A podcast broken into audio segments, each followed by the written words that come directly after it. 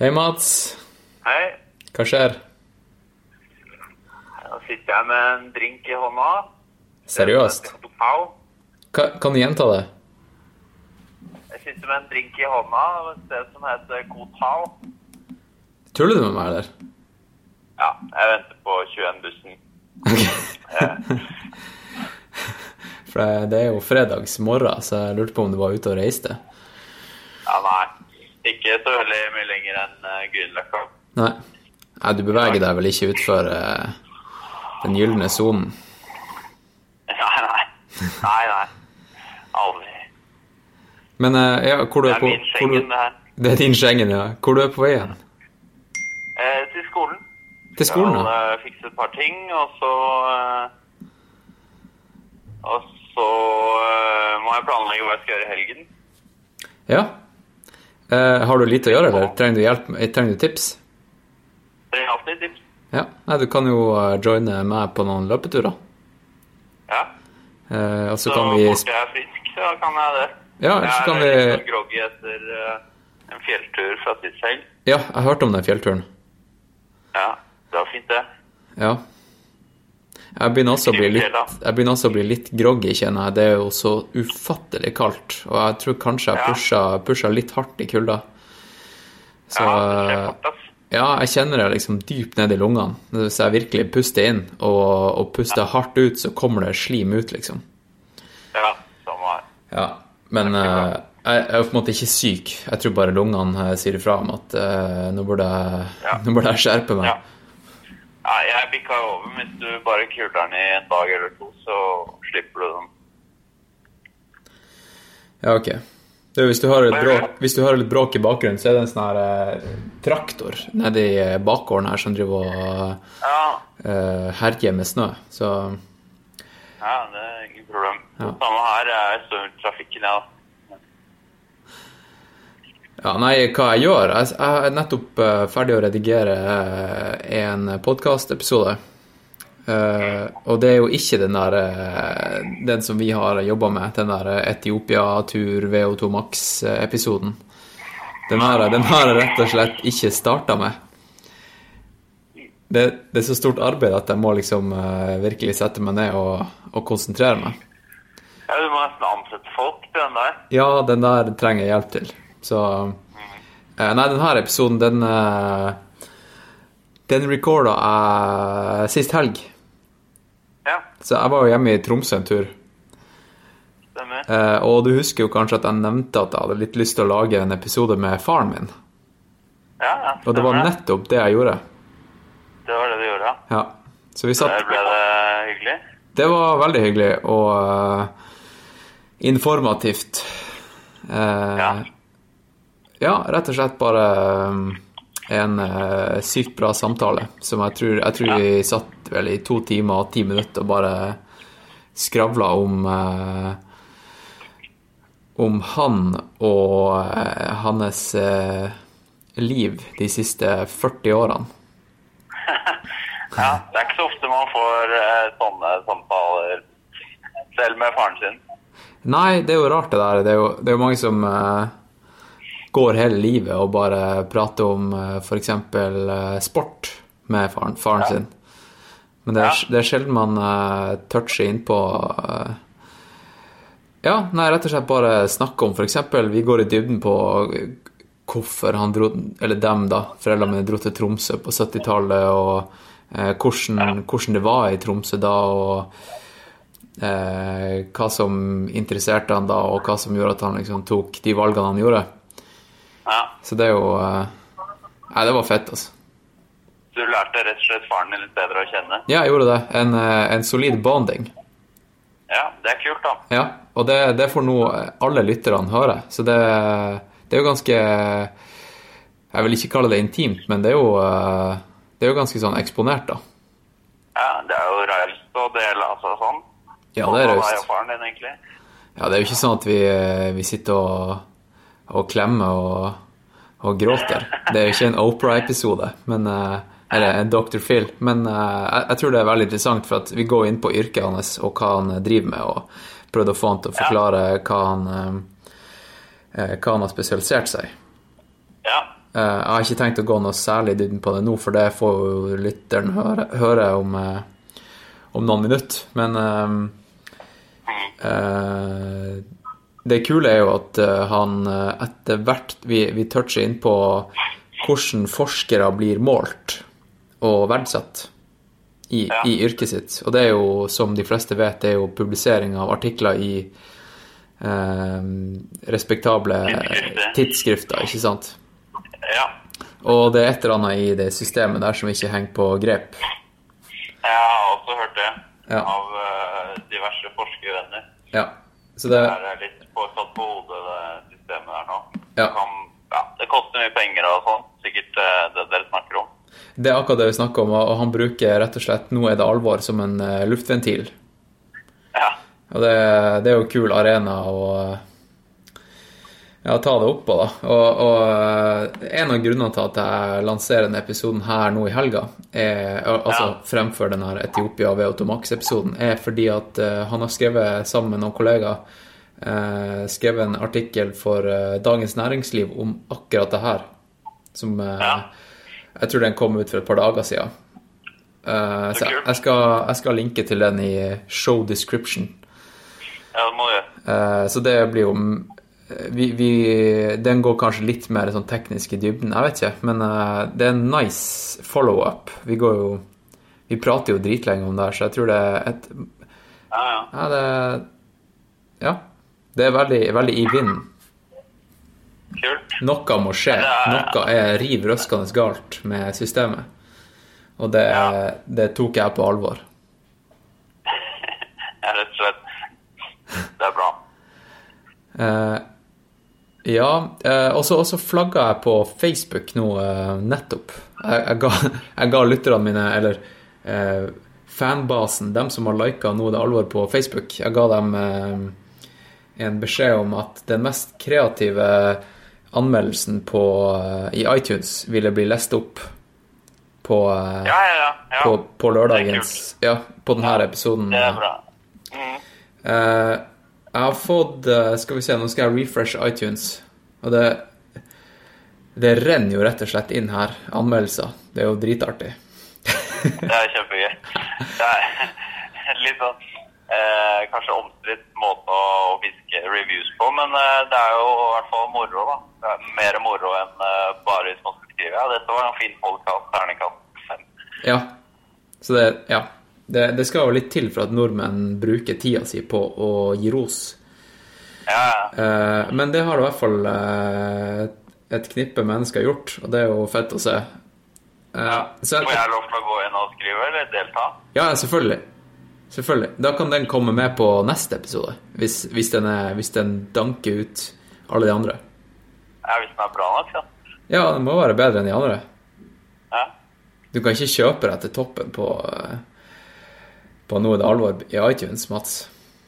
Jeg har ikke råd til uansett. Eh, Men skal jeg, skal jeg, jeg kan ta og lese opp den jeg, den jeg likte best, da. Gjør det. Eh, og den kommer fra ei som heter Som kaller seg for Elis Bo. Ja. Eh, har du Hvem hørt kan om det være? Ja, jeg lurer på hvem det kan være. Kjenner vi ja, Du får si fra neste gang vi, vi ses, hvis vi ses. Elis Bo. Eh, hun skriver Når til og med mannen mann begynner å spørre Har det kommet en ny episode? Altså mannen som er kjæresten. Eh, det er jo det er jo kjempekult, for det, da ser jeg for meg at han ikke abonnerer sjøl, men at hun spiller det høyt hjemme. ja. Fordi han ikke sjekker, han har ikke notifications på og vet ikke om det har kommet en ny episode. Nei, Eh, det er kult. det er kjempekult. Det er og fem, eh, eller hvor mange stjerner er det som er maks? Det er vel fem, ja. Fem stjerner. Ja. Eh, og så har en som heter herr Gromstad, eh, kommentert eh, Dette er gull i snøfyka mens man drømmer om bare stier og plussgrader. Mer av dette. Mm. Jeg har en Ja, mistanke om hvem han eh, Gromstad er. Jeg tror han ja. jeg, skal, jeg skal gi en shout-out, for han, eh, han ga meg en, meg en eh, shout-out på Instagram i dag. Eh, og det er nok han eh, såkalte Bein og skalle på Instagram. Ja, selveste Hoens eh, mannen sjøl. Ja. Ja. Hei til deg. Hei. Uh, hei, Bein og skalle. Fett at du hører på. Så ja, vi begynner å få en uh, nice uh, fanbase. Det er jo dritkult. Ikke engang, ikke engang ti episoder ut, og det er faktisk sykt, syk mange som liker det og setter pris på det. Så dritfett. Det gir jo meg Ja, ja, kjempekult. Det gir jo meg masse mening å bare fortsette å lage kult innhold. Veldig. Eh, ja, apropos det. eh, hvis noen lyttere har noen tips til eh, folk jeg skal oppsøke og snakke med, og ting dere vil høre om, bare si ifra. Det må folk gjøre. Bare Det finnes jo tusenvis av folk der ute som har ting de driver med, eller ting de tenker på som er spennende. Ja. På, på søndag skal jeg få en, en kis som driver en podkast som heter Fight Night Oslo. Ja, Eh, han kommer på besøk, og skal vi eh, Jeg vet ikke om vi skal drikke kaffe og spise boller. Jeg tror vi skal kanskje drikke proteinshake og slå hverandre hardt, hardt i ansiktet mens vi snakker. Men eh, vi skal snakke om, eh, om MMA og historien til eh, slåssing og kampsport, og gå virkelig i ja, dybden. ja. Kult, da. Det, det gleder jeg meg er jo stort sett eh, folk, da. Det er det som er eh, det rareste. ja. De ser så jævlig brutale ut på TV-en, og og så snakker man med dem, så er de jo uh, snille som lam alle sammen. Liksom. ja, men hadde de ikke fått uh, slåss i ringen, så hadde de jo vært voldelige mot alle andre. Du får spørre han. ja. Ja, det blir bra. Det blir bra. Skal vi se her. Uh, har jeg noe annet jeg vil flagge? Jo. ehm, husker du jeg snakka om sist uh, soundtracks og litt sånn her eh, musikk i, i bruk i podkast og copyrights? Ja. I denne Har du episoden blitt eh, saksøkt? Jeg har Nei, ingen har, ingen har sagt ifra eller noe sånt. Men jeg, jeg har tatt meg bitte litt til rette i denne episoden også. Ja. Uh, det er snakk om tre sekunder av uh, Bee Gees midt i episoden. ja. Og så er det litt visesang fra Tobben og Ero. Ja. Har du hørt om dem? ja jeg, jeg tror det. det. Det er litt nyere enn uh, Bee Gees, liksom. Nei, de herja jo på, på 70 70-80-tallet. Å ja, ok, nei, da kjenner jeg ikke det, tror jeg. Nei. Er det sånn Simon and Garfunkel-aktig? Ja, du kan jo kanskje si at de er Tromsøs svar på Simon and Garfunkel, men jeg tror det blir å strekke han litt langt. Ja, nei, jeg kaster den ut der, den anbefarten. Så får folk, eh, folk eh, bestemme selv. Jeg kjenner ikke til det. Nei, nei. Men jeg, jeg tok meg rett og slett litt til rette. Jeg håper det er greit. Uh, vi, får se på det som, vi får se på det som en tribute. Jeg har, eh, jeg har linka til, um, til all musikken jeg har brukt i show description, så hvis uh, noen vil sjekke ut uh, Tobben og Ero, eller eh, trenger en link til Bee Gees på YouTube, så, så kan, vet de hvor de skal gå. Ja. Hvis uh, Bee Gees eh, eller Tobben hører på, så kan de jo tenke at det går til et eh, godt formål. Ja, jeg tror det var Tobben eller Ero. Han døde for et par år siden, så det um, Ja. Det er kjipt. Nei, Jeg, jeg, ja. Jeg vet ikke hva man hører derfra, men kan jo hende ja, Henne, Så- kan høre på derfra. Det skal ikke si. Uh, jeg tror bare rett og slett vi, vi setter i gang uh, episoden. Uh, og da har jeg valgt en sang som eh, passende nok av eh, Tobben og Ero heter Min celle. Ja. Oi, nå ringte det på her. Det ringer jo aldri på her hos meg. Ok, vi, vi snakkes da, Mats. Ja. Ha det. Ha det.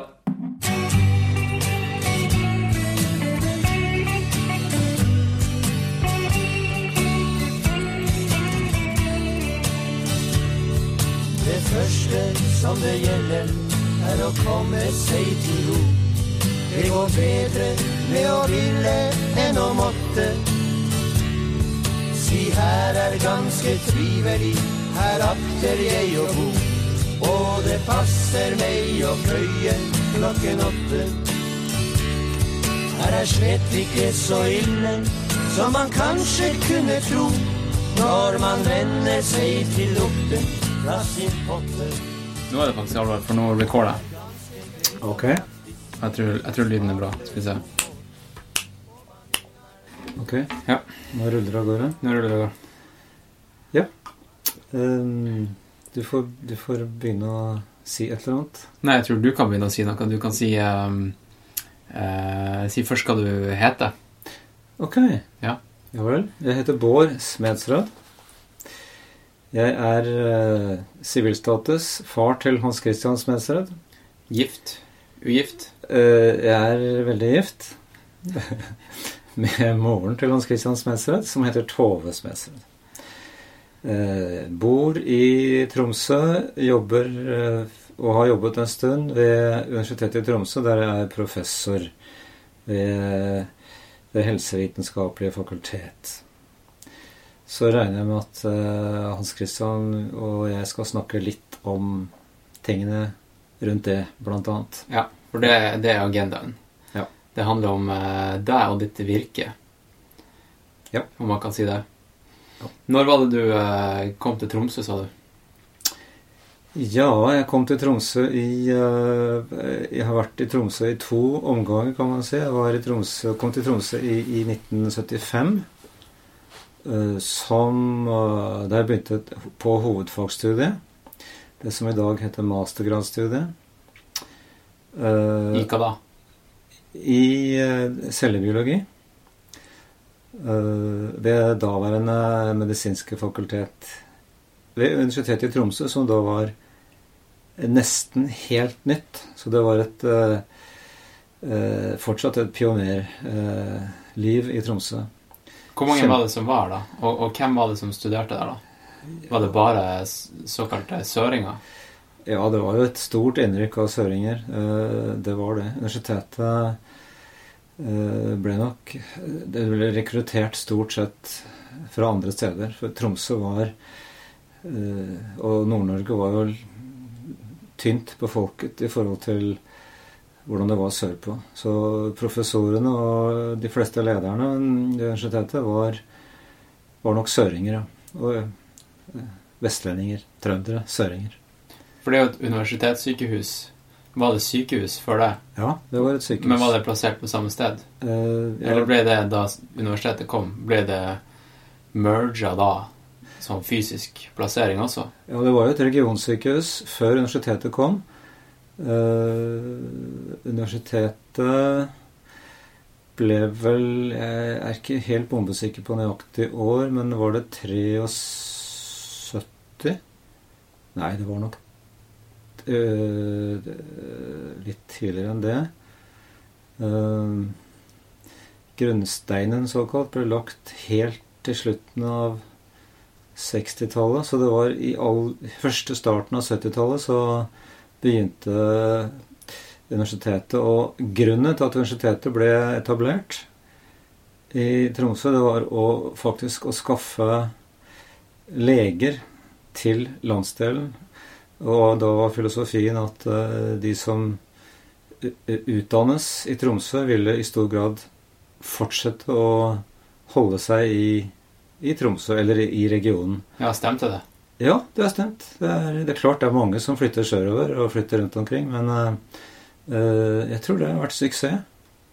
Hvorfor det, tror du? Hvorfor tror du den ble? Var det bare det at man får venner og Ja, etablerer nettverk og ja klart det. Uh, Man etablerer seg. Det, det er i, den, i studietiden at folk uh, finner seg sjøl, for å si det sånn, og stifter familie. Og har man stiftet familie et sted, så er det jo lett at man Da sitter man fast? Ja, sitter fast og sitter fast. Men man eh, blir iallfall mer rotfesta i, i miljøet. Og hoveds, en annen hovedsak var jo at det skulle bli mulig, enklere kanskje for nordnorske studenter å, å, å starte studier. Tidligere så hadde jo alle fra Nord-Norge måttet reise sørover for å utdanne seg. Ja. Enten det var til leger eller all annen akademisk eh, utdannelse. Eh, Men det var altså legestudiet som var eh, den politiske bakgrunnen for å opprette Universitetet i Tromsø. Eh, Og det, det gjenspeiler seg litt i dag, da. Fordi Det helsevitenskapelige fakultet i Tromsø er ja, bortimot halvparten av eh, universitetet i Tromsø i dag. Nei. I størrelse. I, eh, ja, i økonomi og antall ansatte osv. Uh, det kan man jo si mye om. Det er kanskje ikke alltid en fordel, men uh, sånn er det nå en gang blitt, da. Det var jo også hensikten, da, så da Ja, har de fått som de har bedt om. ja da. Men hvordan. Hvilke andre studier var det som eh, var da du kom opp hit? Eller dere, da? Ja, det var eh, litt Det var realfag. Eh, Veldig mye som var etablert, da. Eh, Språk, historie De fleste disipliner som du finner på et flerfaglig eh, universitet. Så det var bygd ut. Noe var primitivt, andre ting var etablert. Men det gikk veldig fort. Husk på at helt i begynnelsen så var altså eh, Universitetet var en samling av unge folk. Det var ingen gamle professorer. Nei, i Tromsø, nei. Mm. Nei, det var bare unge. Ja. Så det var et Hvem var det som underviste, da? Ja, professorer og, og ja, øh, vitenskapelig ansatte, da. Av førsteamanuenser og stipendiater og så videre, som underviste. Må ha vært et dritbra miljø. Det var et veldig dynamisk miljø. øh, og stor energi. mye nytenkning. Uh, dette her var jo også i tida Den tida eh, AKP Emil hadde stor eh, øh, Skal vi si øh, hadde, hadde innpass, da, kan man si. øh, I øh, ikke bare i Tromsø, men i ja, alle eh, akademiske studentmiljøer. Eh, I Tromsø var det spesielt godt utviklet. Og det førte til at eh, Troms, Universitetet i Tromsø eh, i den første tida ble omtalt, eh, ikke bare i Norge, men i Skandinavia, kanskje andre land også, som eh, Det røde universitet. Eh, og det, det er greit. Det, det, det, var eh, veldig mye dynamikk eh, og nytenkning eh, ute og gikk der. Eh, og så kan jo for ikke, for å legge ordene i munnen på deg, men eh, du kunne jo f.eks. stille meg spørsmål om hvorfor all verden drar jeg til Tromsø. Ja, det var mitt neste spørsmål. Det var det. Hva som fikk deg til å dra hit? Ja. ja det var sånn at uh, For da var det ikke mange som bodde her. I forhold til nå, det må ha vært halvparten, minst. Ja, jeg For tror det det var hvor mange som bor i Tromsø? 80 000? Ja, nå er, vi, nå er vi nærmere oss 80 000, ja. Og den gangen så tror jeg det var 40 000. Og Ja. det, det, det, det her har skjedd siden eh, 70-tallet. Mm. Og det er vel ingen annen by som har doblet seg i folketallet på den tiden. En ekstrem vekst. Eh, så Relativt sett. ja, relativt sett Ja, ja. Eh, og på alle måter er det en ekstrem vekst. En dobling av folketallet Ja. på så, på så ganske kort tid, da. Det, nei, altså jeg begynte jo studiene i 70, etter at jeg var ferdig med eh, gymnaset. Hvor da? Eh, I Oslo. Hegdehaugen. Ja. Naturfaglinja. Eh, jeg var interessert i biologi, kjemi, den typen eh, fag. Det var veldig skudd i den tiden pga. Eh, ja, stor interesse for eh, miljøfag, eh, økologi Hvem var det som pusha det, og hvorfor var det interesse for det? Fordi nå har vi jo litt sånn her eh, At vi Ja. føler at myndighetene pusher på eh, mot eh, grønn, holdt på å si, grønne studier. Ja. At uh, vi beveger oss bort fra olja, så de vil at vi skal ja. Det er det vi skal studere. Var det noe sånn uh, propaganda på den tida? Nei, det var faktisk ikke det, altså. Nei. Det var ikke det. det Var noe etterkrigstid? eh, Den gangen så var vi alle glade pionerer. Vi kunne Alt lå åpent foran oss. Det var et helt annet landskap vi har i dag. De som i dag begynner universitetsstudier, eh, kommer jo inn i fastlagte rammer. Eh, nærmest skoler der de fortsetter å få følelsen av å være elever i, i, i et stort kull. som Ja, det er en videreføring av videregående. ja, på mange områder så er det faktisk det. Altså. Eh, tidligere Ja, min, de, min erfaring da fra studietida var at eh, eh, vi kunne plukke og sette sammen studiepakker sjøl etter den interessen vi hadde. Og så endte vi opp med en pakke med fag som kunne være nyttige hvis man hadde planlagt riktig. Kunne også være såkalt unyttig hvis man ikke hadde planlagt godt. Mm. Men det var liksom ikke Det var ingenting som sto på spill den gangen, fordi framtida lå åpent for alle. Var det noe sånn følelse av å ha et sikkerhetsnett hvis alt gikk gaiken? Nei, egentlig ikke. Det var ikke det. Kanskje jeg var litt uh, naiv, men jeg tror det var, gjaldt veldig mange på den tida. At man ikke planla uh, panisk for eh, framtida. Det var plass til alle. Vi, alle de vi kjente til som var litt eldre enn oss, fikk jobb enten på en eller annen måte i skoleverket eller som forskere videre oppover i akademia. Så eh, veien var grei. Jeg tok, begynte, ville begynne på hovedfag. Uh, ja, I hva da? Hva du liksom, ja, hva da, var dine pakker? Ja, det var biologi. Cellebiologi. Det, det var de fagene som jeg syntes var interessante. Vest, mest interessante. Og som det var mest spenstig, kan du si. Okay. Uh, men for å komme tilbake til spørsmålet som jeg la litt i munnen på deg, som du ja. stilte Hvorfor dro jeg til Tromsø? Jo, det er fordi at Nettopp fordi at eh, Tromsø var sett på som det nye dynamiske universitetet. Eh, lite, men fullt av energi og alle mulige, om man skal kunne bruke uttrykket akademiske hormoner. Men det, det, var fullt av sånne ting som det daværende Oslo universitetet ikke hadde, syntes vi som studenter. Jeg syns det var innmari gammeldags. Jeg begynte på noe kurs for å til, for å få forberedende kurs, da, for å begynne på hovedfag i Oslo. Jeg syns det var innmari gammeldags, stivbeint.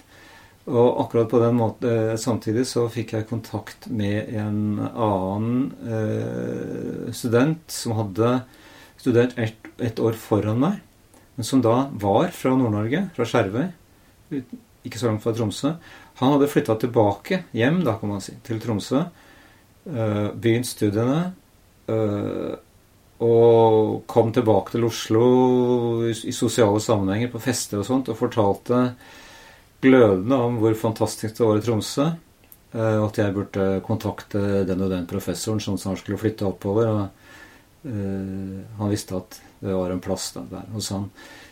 og det gjorde jeg, og ble frelst og, uh, for å dra til Tromsø. Uh, og samtidig så var Tove, kona altså, mi, kona di. kona mi ja, var klar til å begynne på lærerskolen og komme inn i Tromsø. Og da var det greit. Vi dro, pakka alt i bilen og kjørte oppover. Hvilken bil hadde dere da? Da hadde vi en Opel Rekord som vi hadde mekka mye med, men den holdt helt fram. Hvordan var veiene nordover da? Ja, Hvor det lang var- tid tok det å kjøre? Var det Nei, vi brukte noen dager, da. Det Ja. var, eh, ja, det var jo en del ferger. Det var, det, var, det var ganske bra, egentlig. Det var det. Men eh, det, var det er jo ikke sånn som det er nå, da. Nå er det jo redusert til å bli én fergeforbindelse, og resten uten. Eh, ja, så vi dro oppover, altså i 75. i 75? Ja. Hvilken musikk var det som eh, ble spilt da, hvis du kan eh, prøve å Bee Gees. Bee Gees. Bee Gees var eh, veldig i. For jeg vet jo hvilken musikk som ble spilt på 70-tallet, men her i Tromsø Å, var det Bee Gees som var greia. Ja, det var litt Det var disco da. Det som var disco. greia. Ja, hvis du gikk ut og fester og sånn, så var det mye diskomusikk. Så ellers så var det jo klart det var Disko var jo var litt sånn åndsløs musikk, da. Så det var mye Dylan.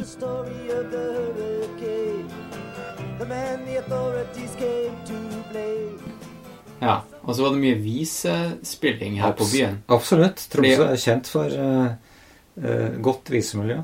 Ja. Men det var jo ikke, det var jo ikke popmusikk, da. Men det var mm. Holdt ikke han Ole Paus til her i Tromsø på den tida? Jo, han hadde vel noe opphold her, ja. Jeg vet ikke hvor lenge han holdt til her, men eh, han, Uh, Tobben og Ero.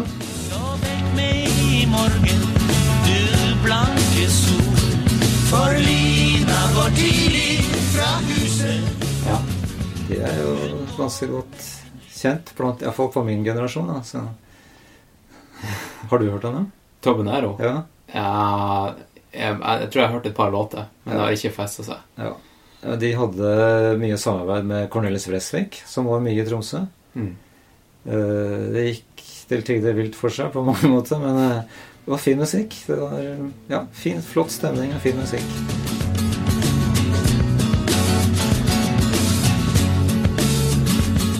I de opprinnelige visemiljøene i Tromsø, da, spesielt i eh, den kjellerrestauranten som eh, het Prelaten, som er gjenåpnet og fins i dag også. Ja, for det, ja, den fins nå. Ja, den fins. Det er ikke samme Ja, for du spiller jo i band også. Ja, jeg Og dere har spilt på Prelaten. Ja, vi spilte flere ganger på Prelaten eh, på 70-tallet. Ja. Stemmer, det. ja da. Eh, Det var ikke bare eh, akademiske aktiviteter, men det var også, også musikk. Det må man ha. Må gjøre noe annet til siden av. Så Eh, tilbake til universitetet, da. Hva du, hva du begynte, liksom. Du begynte å se Finne én litt sånn spesifikk interesse og begynte å peile deg inn på og snevre deg inn litt. Ja, altså, når, når begynte du med det, og hva var temaet? Ja, så jeg fikk jo Jeg hadde stor frihet da, til å gjøre eh, Til å velge, men ikke større frihet enn at jeg måtte jo Jeg, hadde jo en veileder som eh, Som hadde sine interesser, sine områder. Eh, Rolf Seljelid heter han. Og eh, han hadde ja, sine spesielle fagområder som han var god på og interessert i. Som han ønsket at eh, jeg og andre av hans studenter skulle jobbe med. Men eh, utover det så var det nok ganske, ganske stor frihet. Eh, økonomi betyr jo fryktelig mye. Den gangen betød det ikke veldig mye. Det var, det var en del grunnbevilgninger eh, som man kunne drive forskning på. Men i dag så må man jo ha ganske store bevilgninger, helst utenifra, for å drive eh, god forskning på internasjonalt nivå. Utenifra som i Fra Forskningsrådet, fra EU, eh, amerikansk det, henter jo, Jeg har jo også hatt penger fra NIH, National Institutes of Health, eh, i voksen alder. da. Eh, og med slike penger så kan man jo, man jo Da kan man gjøre det man ønsker, og det man er god på.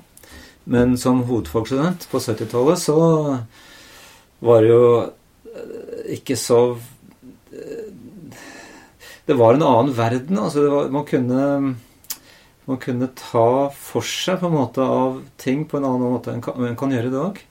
Uh, I dag så må du vokte dine trinn for å sikre at du får en eksamen i løpet av kort tid. Du må gå mange kurs. Forskningstida blir kortere og kortere. Uh, Føler du at eh, intensjonen med å studere og, og forske har endra seg? Jeg har en sånn følelse av at eh, før så begynte man å studere og forske for å oppnå Eller for å, for å finne et svar og hjelpe verden på en eller annen måte. Eh, for å fòre kuriositeten.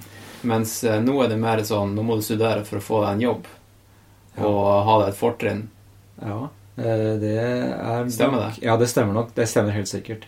Og det har å gjøre med det jeg sa, at, at uh, framtida var lysere. Den var mindre bekymringsfull.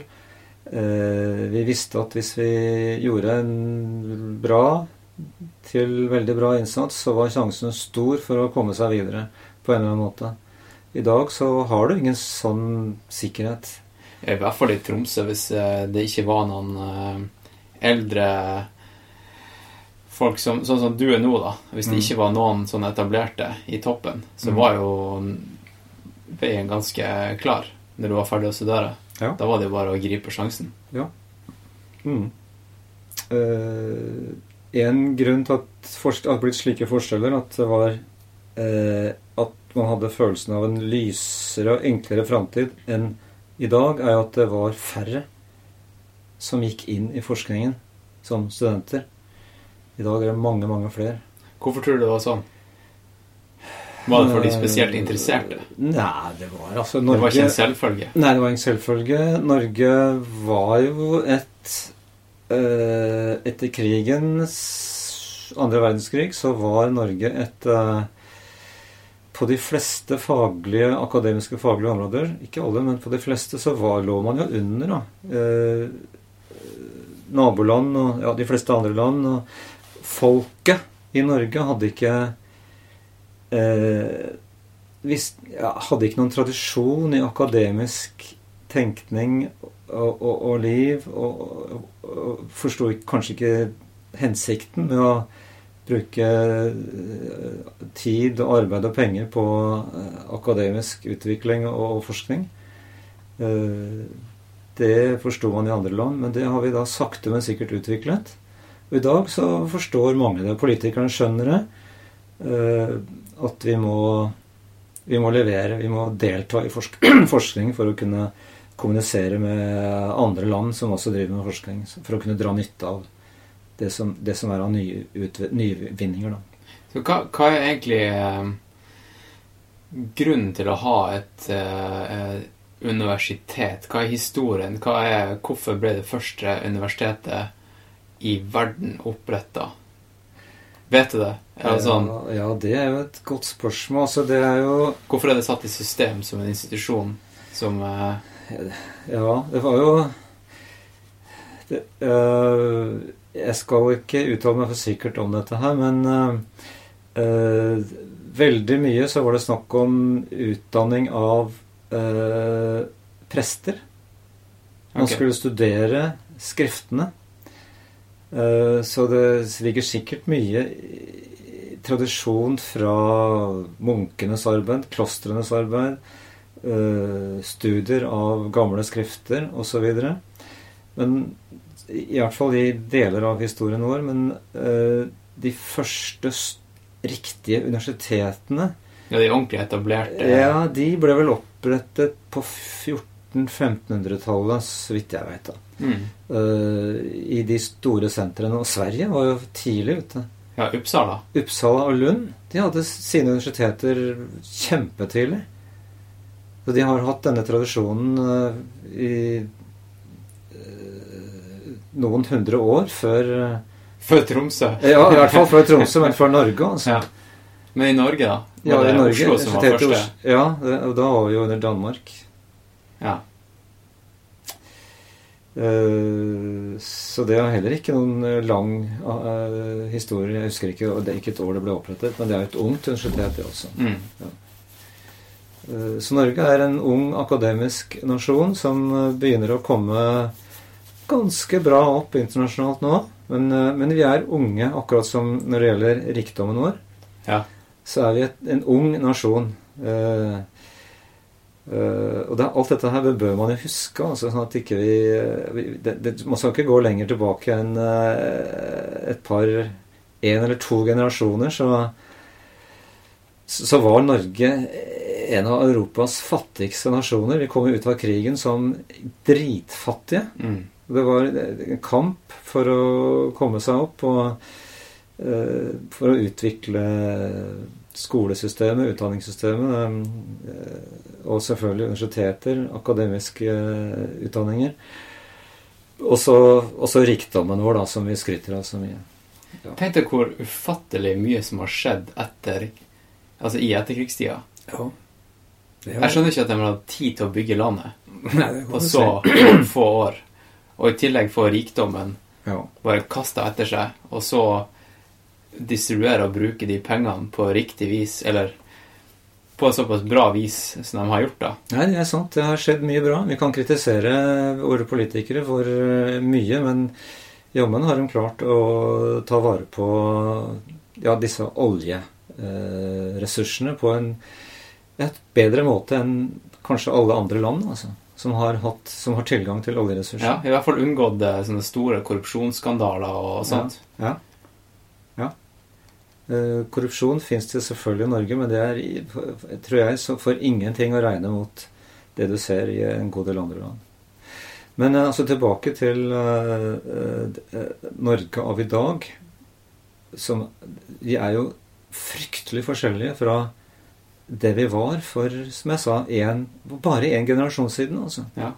Og går det to generasjoner tilbake Forel, så det- foreldrene dine og deres foreldre. ja, de var med å bygge opp øh, Altså mine foreldre var med å bygge opp landet etter, etter krigen. Det var, det var ingenting som var en selvfølge. Folk hadde nesten ikke kontanter. Uh, um, skulle man bygge Og ingen som kunne øh, uten videre bygge seg hus sjøl.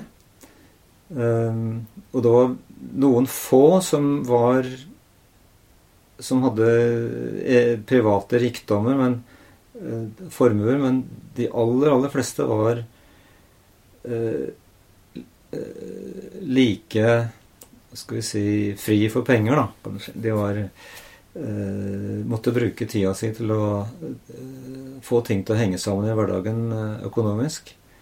Så det er et, eh, eh, og det, det tenker vi ikke på i dag når vi eh, diskuterer huspriser og eh, velstand og alt dette her. Så det, vi har utvikla oss ekstremt mye på kort tid. Ja, sant. Ja. Tror du det har skjedd like mye fra din generasjon til min generasjon? Ikke med Du trenger ikke, ikke, trenger ikke se på Nei. rikdom, men du kan tenke på bare at, at vi, levesettet er veldig forskjellig, og hva, man forvent, hva det forventes å, å Ja. bruke livet sitt til. Ja, fra, hvis du sammenligner med hvordan det var fra da jeg var eh, ja, ung skolegutt, da, eller må si på folkeskolen, som det het den gangen. Eh, det å ha bare eksempler med det å ha kontanter i lomma, ha penger i lomma Ja. Det var, Hadde vi noe, så var det bare noe småtteri. Noe, vi hadde ikke noe særlig penger. Altså, Du fikk kjøpt en tyggis. Ja, så litt sånn frossen saftpose og sånt. Ja. En kruttlapp. Ja, noe sånt. Ja. uh, og det her gjaldt jo særlig uh, ja, ja, ned på 50-tallet. Jeg var, begynte på skolen i uh, Når var jeg begynt på skolen? da? 57? Mm. Eh, og da Lommepenger. Mm, det var som sagt eh, I dag hadde jo eh, unger ledd av deg hvis du hadde tenkt å betale dem ut med 25 øre og sånt. Ja. Og sånn var det for de fleste. Eh, I klassen jeg gikk på Sinsen skole, så var alle stort sett like. Altså. Det var ikke noe, var ikke noe fattig Ja, kanskje et par som hadde spesielt dårlig råd, men ellers så var alle gutta Det var ren gutteklasse. Vi var, vi var helt like. Det gikk ikke noe forskjell i klær. Det var ikke noe merke. Dere gikk ikke i uniform, da? Nei, det gjorde ikke. Det gjorde ikke. Vi hadde jo ikke Vi hadde jo ikke merkeklær og sånt som man har i dag. Altså. Nei. Det fikk jo ikke kjøpt heller. Så det var ikke, det var ikke spørsmål. Det kom seinere. Det kom seinere. Ja. Så det, det var nå det. Skal vi hoppe tilbake til Tromsø? La oss gjøre det. Uh, hvor var vi egentlig?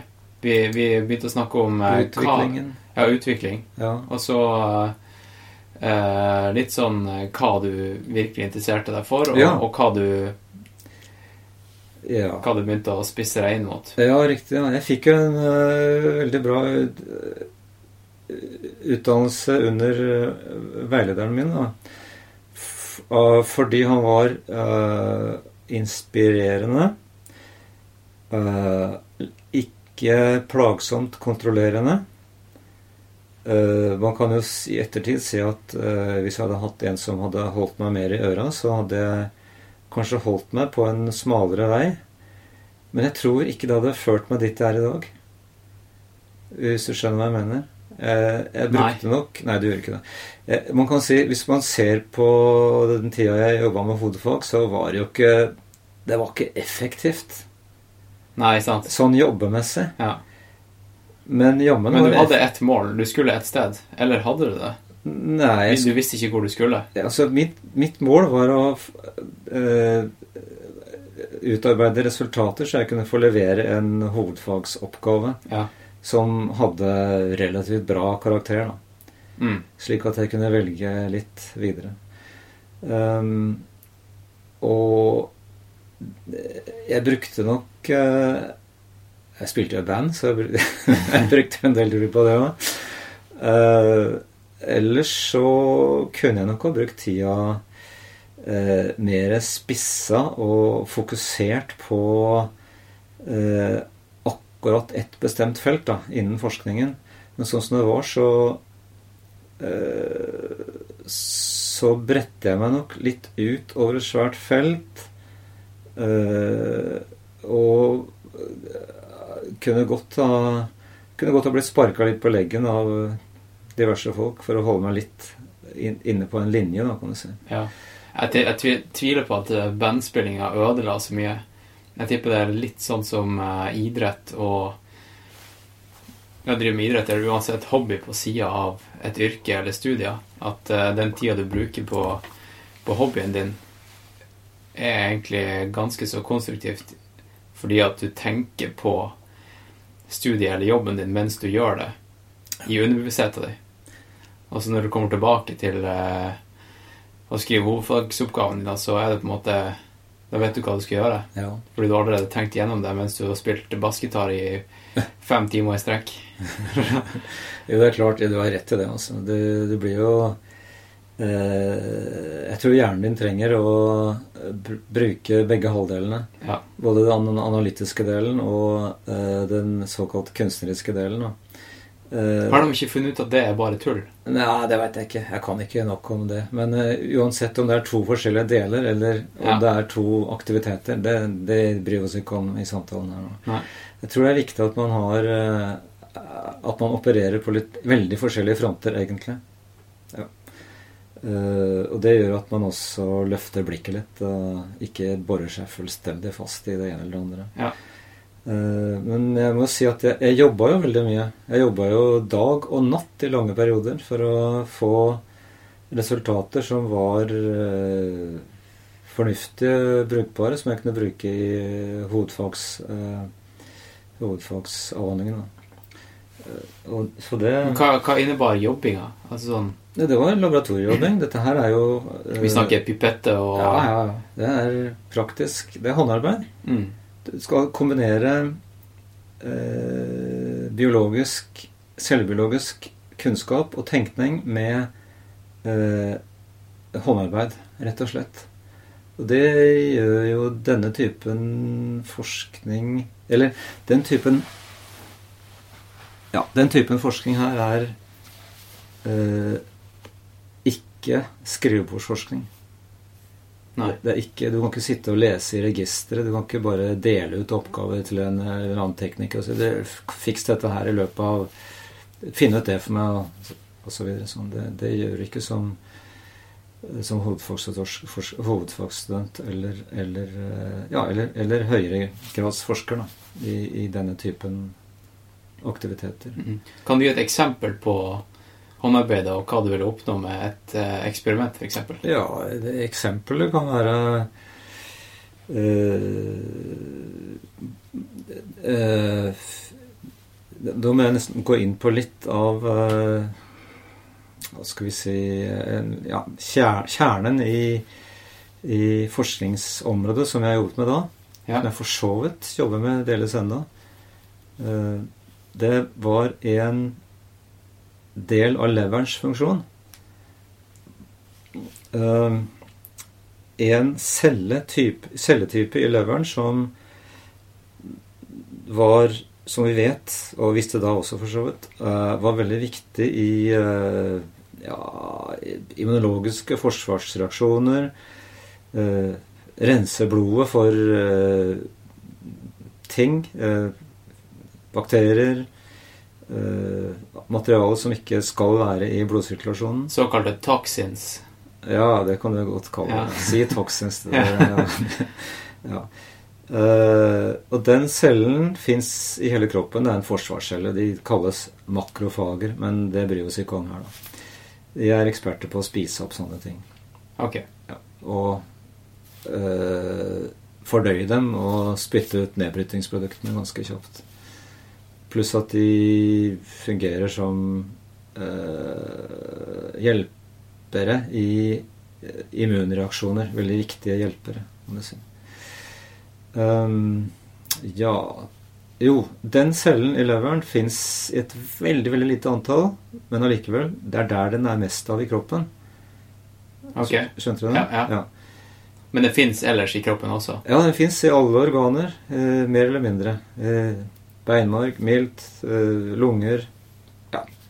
De fins overalt som en Mm. viktig del av immunsystemet vårt. Altså. Ok. Eh, men i leveren fins den i kjempestore mengder. Men allikevel, hvis du tar hele leveren og ser på den som et helt organ, så utgjør disse cellene bare en bitte, bitte liten prosent av volumet til leveren. Er de jevnt distribuert utover leveren, eller er de bare et lite, lite kammer eller et område? Ja, de er jevnt distribuert. Eh, Er det sånn i leveren generelt? At alt i leveren er bare Ja, det kan du si. Leveren består av en, eh, ca. 1 milliard eh, bitte små eh, blodårer eh, som fører blodet gjennom leveren.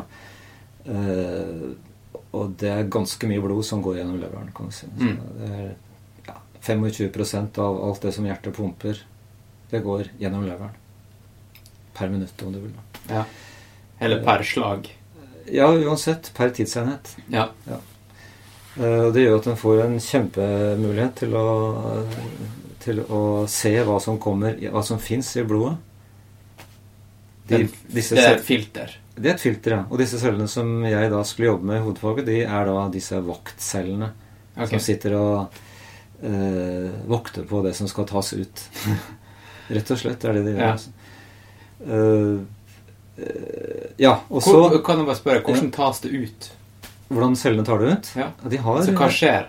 ja, de, ja, Kommer det ut i, i urin, eller hva de gjør med det for å ta ut de her uh... Ja, de har De tar mm, De har Disse cellene har da helt bestemte proteiner på overflaten Ja. som ikke bare sitter der, men de eh, Når de har eh, funnet eh, sine eh, stoffer som de da kjenner igjen som fremmede, og skal ta ut av sirkulasjonen, Ja. så eh, sirkulerer de. De går inn i cellen, tar med seg toksinet, om du vil, da, eller ja. eh, bakterien, eller hva det måtte være, eh, og leverer det til eh, in intracellulært inni cellen, altså til eh, et apparat som ganske kjapt eh, fører det, bakterien f.eks.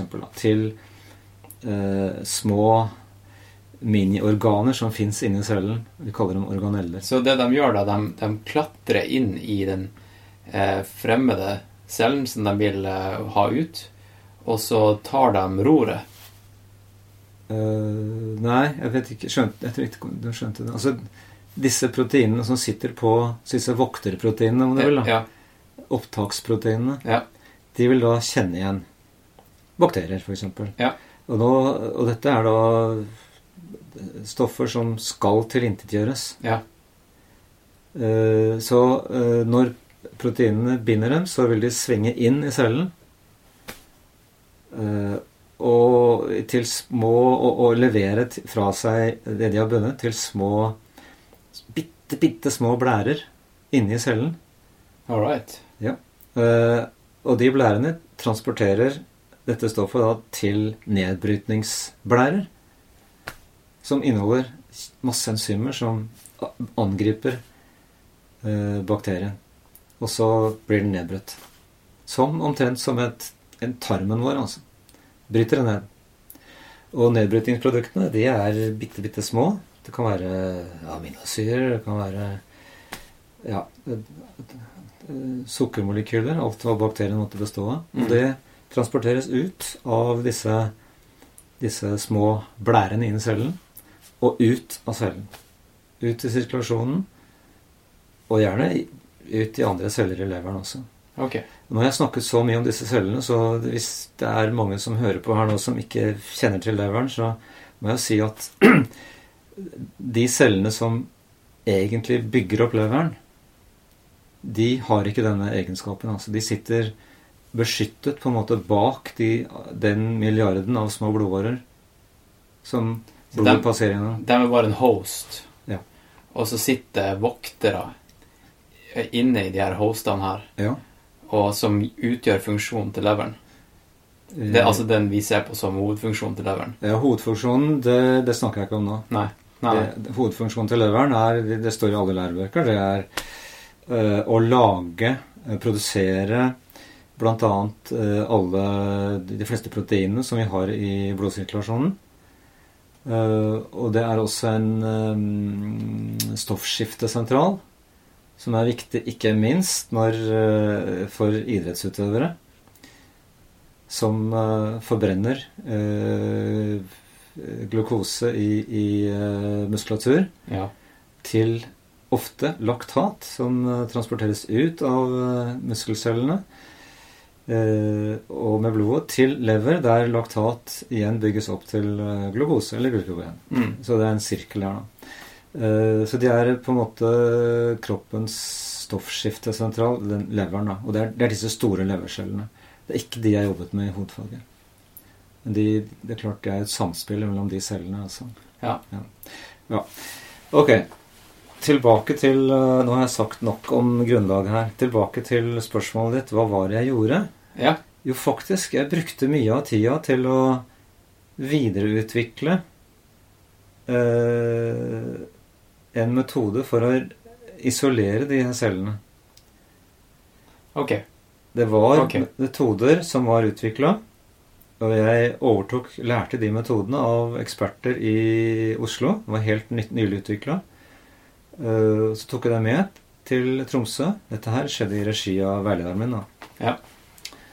Uh, og så lærte jeg metoden for å isolere de cellene og, og, og, og etablere dem i kultur. For det er eneste måten man kan gjøre for å, om man vil studere hvordan cellene opererer. Okay. Du kan ikke gjøre det Du kan, se, du kan gjøre noe med intakte levere, intakte dyr, men skal du virkelig til bunns i hva som skjer inni cellene, så må du isolere dem. Og eh, det er ikke noe copyright-opplegg her. Kan du eh, liksom forklare hvordan du faktisk eh, gjør det, i praksis? Det kan man gjerne eh, det, det er ikke noe problem. Um, ikke copyright, det ikke noe patent på den metoden. Nei. Ja, men hva er en sånn fysisk Ja, så da må man uh, dessverre, for å si det sånn, uh, bruke dyr i forskning. mm. Uh, rotter, mus Det har vært brukt eh, mange andre typer dyr også, men eh, eh, vi kan jo ikke bruke menneske. Det, vi kan ikke ta en lever fra et menneske og produsere de cellene. Nei. Isolere dem. Så det vi gjorde, var eh, i stor grad å bruke rotte. eh, og rotter som da ble Og dette var etter tillatelse fra et, eh, etiske forskningskomiteer. Så vi har hele tiden jobbet med det. da. Ok. Ja, for hva er det som gjør at rotte og mus blir brukt i forskning Ja, mot mennesker? Det kan du spørre om. Hvordan ble det til? Av alle dyr. Jeg tror det, er, det har noe å gjøre med en tradisjon. Noen startet med det, og så ble det sånn. Altså. Ja. Det, Og så er det det at vi syns at de er såpass ekle at vi kan ikke sympatisere med dem. ja, de er jo ganske søte, da. Ja, Eh, det kan de jo fleste av oss som jobber med dem. diskuteres. Ja, andre vil jo kanskje bli livredde når de ja. Skal vi se det er i hvert fall ikke farlig. De biter ikke. Nei, normalt litt, ikke. kanskje, Ja, men- det er forskjellige Hadde det vært en, eh, en klapperslange, ville det vært annerledes. Ja, det er ikke noe man jobber med her. Nei. Ja. Uh, nei, og så uh, Måten man gjør det på, er at man uh, bedøver disse dyrene smertefritt. Og opererer dem som en vanlig operasjon. Finner fram den hoved- og blodåren da, som fører inn i leveren. Ja. Og det her gjør du for hånd? Dette, dette må gjøres for hånd. Og det må læres Under mikroskop, eller? For de er jo bitte små. Ja, men dette her går bra. Det kan man gjøre. I rotter så går det bra med det blotte øyet. I mus er det litt verre. Da må man bruke Helst bruke eh, noe linsesystem for å kunne se det man gjør. Okay. Men eh, i rotter så går det bra. Da fører man inn en eh, kanyle, altså en, en, ja, en slags sprøytespiss da, som er forbundet med eh, et, eh, en slange som man, der man kan pumpe inn eh, en enzymløsning gjennom leveren. Og nå, på dette tidspunktet, så er rotta død. Ok, Så den, den føler altså ingenting overhodet. men den er ikke sånn at den kan gjenopplives? Nei, Det, dere har drept rotta nå? den er nå drept, ja. Ja. Den er død. Den er død? Ja. Uh, og da Kort, enkelt fortalt Nå lager jeg litt shortcuts her, men Ja, ja. det man gjør, er å sprøyte inn denne enzymløsningen som er designet for å løse opp celle-celle-kontakter. Slik at cellene faller fra hverandre okay. i leveren. Eh, Så det man da ender opp med, er en eh, suppe av leverceller. Uh, enkeltcelleløsning, som man kaller det. ok. Bare masse forskjellige Ja, altså de cellene som er i leveren, da. Det vil være blant ja, hovedsakelig de store levercellene som jeg snakket om. Ja. Sånn, ja. Og de små cellene som jeg jobbet med i hovedfaget mitt. Ja, Så nå har du sjanse til å ta dem ut. Ja, og da må man bruke spesielle rensemetoder. Og det vi gjorde den gangen, eh, er, gjør vi ikke lenger nå. For nå har vi utviklet metoden i betydelig grad. Eh, Men eh, ja, atter en gang, for å si det med shortcuts Når cellene er isolert, så har vi altså en veldig ren suspensjon, eller løsning av cellene. De kan man så ut på, i skåler. Ja. Så vil de vokse som om de var i leveren. Ok. ok. Da fester de seg på det i skålen, og så kan man tilsette f.eks. bakterier eller hva det måtte være, så man skal undersøke hvordan disse cellene Ja. tar det opp, hvordan de bryter ting ned, osv. Det var derfor jeg spurte om eh, eh, du kunne gjenopplive rotta. Ja. For å eh, på en måte kunne gå inn, sette pause. Trykke på pauseknappen i livet til rotta, manipulere leveren, og så eh, trykke på play igjen. Nei. Men det gjør du her nå i en eh, kultur, sier du. ja. Ja. Det er for å gjøre det såkalt in vitro, okay. som det heter. I, jobber man med dyr, intakte dyr, undersøker lever, hvordan det fungerer mens dyret lever, f.eks. Så, så sier man in vive, altså i live. Ja. Eh, her er det in vitro. Vitro betyr glass. Ok. Så i den den gangen vi hadde glasskåler, Ja. nå har vi jo plast, da. Eh, celler som da dyrkes i, eh, i nå plastskåler, de sier man at man jobber med in vitro. ok. Ja. Men man burde kanskje heller sagt in eh, Ex vivo, Ja. noe sånt. Ja. ja. Um, ja, så det er det utgangspunktet. Det var utgangspunktet for uh, hovedfaget mitt. Og det, det utgjorde perioden fra 75 til 78, og det er en kort periode. ja, tre år. Ja, en veldig kort periode. Uh, Så jeg måtte jobbe ja, veldig mye, og det gjør jo de fleste hovedfagsstudenter eller mastergradsstudenter.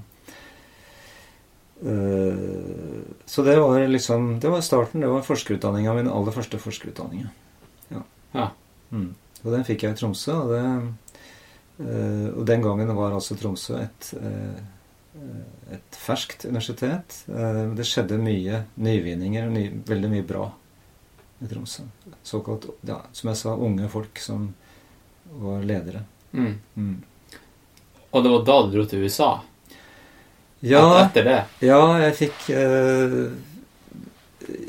Ja, jeg var jo såkalt ung og naiv. Jeg, jeg, jeg regnet jo med at jeg skulle få eh, en jobb etterpå.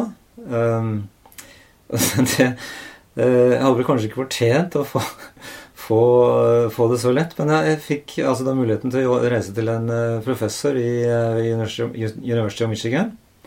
Fikk jobb der, betalt av hans eh, forskningsmidler, eh, for å jobbe med disse cellene som jeg hadde jobbet med under hovedfaget. Okay. For det var en ny metode. Det var få som kunne jobbe med de cellene. Så de ville lære av det? De ville ha min kunnskap, og de ville, at, eh, ja, ville ha mitt arbeid inn i sin gruppe, da, kan jeg si. Okay. For å utvikle sine egne ting. ok. Kan, kan du, har du sett noen resultater? Hva de har brukt den lærdommen Ja, det til i etterkant? Ja. det... Eller er det her noe som har nå liksom blitt brukt over hele verden? Som Ja, akkurat denne metoden slik den var da, brukes nok ikke lenger sånn. Og det har å gjøre med at eh, det videre arbeidet mitt Altså, jeg jobbet to år i, ved University of Michigan. Eh, og det var relativt fruktbart. De publiserte, som det heter. da. Og det er jo målet på at det er vellykka. Ja. Det kan vi eventuelt komme tilbake til. Eh, Men jeg brukte mine kunnskaper da, om eh, disse spesielle cellene som få visste så mye om egentlig, men eh, som var Som er en viktig del av leveren, egentlig, sånn funksjonsmessig. Så det jobbet vi med ved University of Michigan. Jeg kan si veldig kort at vi med, det vi jobbet med, var uh, å kartlegge videre hvordan eldete, altså gamle røde blodceller forsvinner altså, Røde blodceller produseres jo i en, en ekstrem takt. Eh, Det produseres millioner av røde blodceller hvert sekund eller minutt. Og Seriøst? ja, det er helt vanvittig. Det- Du vil ikke tro det. Du må, jeg husker ikke tallet nå, men det er, det er en kjempeproduksjon. Men uh, gamle dør jo samtidig. De, gamle, de, er jo, går, altså de går av med pensjon, Ja. kan man si, og tas ut av regulær drift. ja. Og til slutt så blir de eh, så slitne at de må bare fjernes. Hvem er det som bestemmer Der at du må ut? Ja, ok. De endrer seg. Ja, nå, nå er det nok. Ja, Du må ut. De får visse endringer på overflaten som gjør at eh, de kjennes igjen som gamle, og eh, de er jo ikke effektive lenger. De kan jo skape dævelskap hvis de fortsetter å sirkulere. Så det må være en balanse mellom produksjon og eh, fjerning. Og da er de cellene her viktige. Er det fordi ofte når man, når man blir, skal bli flink på, på sykdommer, eller på um, For eksempel, eh, jeg vet at eh, for å finne funksjonen til et punkt i hjernen, for eksempel, så er det det første man gjør, er å gå på folk som har eh, en sykdom som gjør at det senteret er ødelagt. Da Mm. plutselig oppdager man hovedfunksjonen til det området. Ja. Er det ja appliserbart til, til det her? eller? Absolutt. Det er jo sånn vi fungerer. Det er ved å enten se på pasienter som har en skade. Se hva er, hva er det som feiler den pasienten? Hvorfor har det blitt sånn? Ja. Hvilke, hvilke organer er det som inngår? Hvilke celler er det? Hvilke mekanismer? Eh, Det er, å se, det er på en måte en litt passiv måte å se på det. En annen måte er å gå mer aktivt til verk, verks. Eh, og, eh, og da snakker man om eh, ja, eksperimenter, altså laboratorieforsøk. Hvis man har Hvis det er ting man eh, har satt opp hypoteser om, ting man lurer på, eh, så har man da muligheten Eksempler med disse cellene som jeg isolerte. da.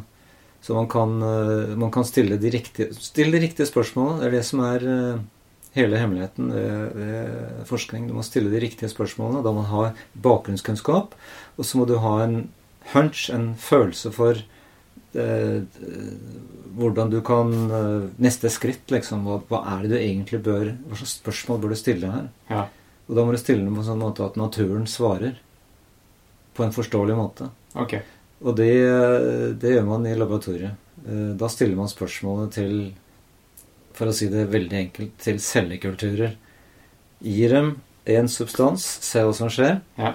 Det er ikke, du- det er ikke bare å se hva som skjer, men du må jo ha en idé om eh, sammenhengen mellom det du gir til cellene, og det, den kunnskapen du har om cellene fra før. Ja, nettopp. Ja. Det er ikke sånn som eh, når eh, em, dem som skal finne nye stjerner eller liv ute i universet, at de bare helt sporadisk liksom peiler det her eh, Hva det heter igjen?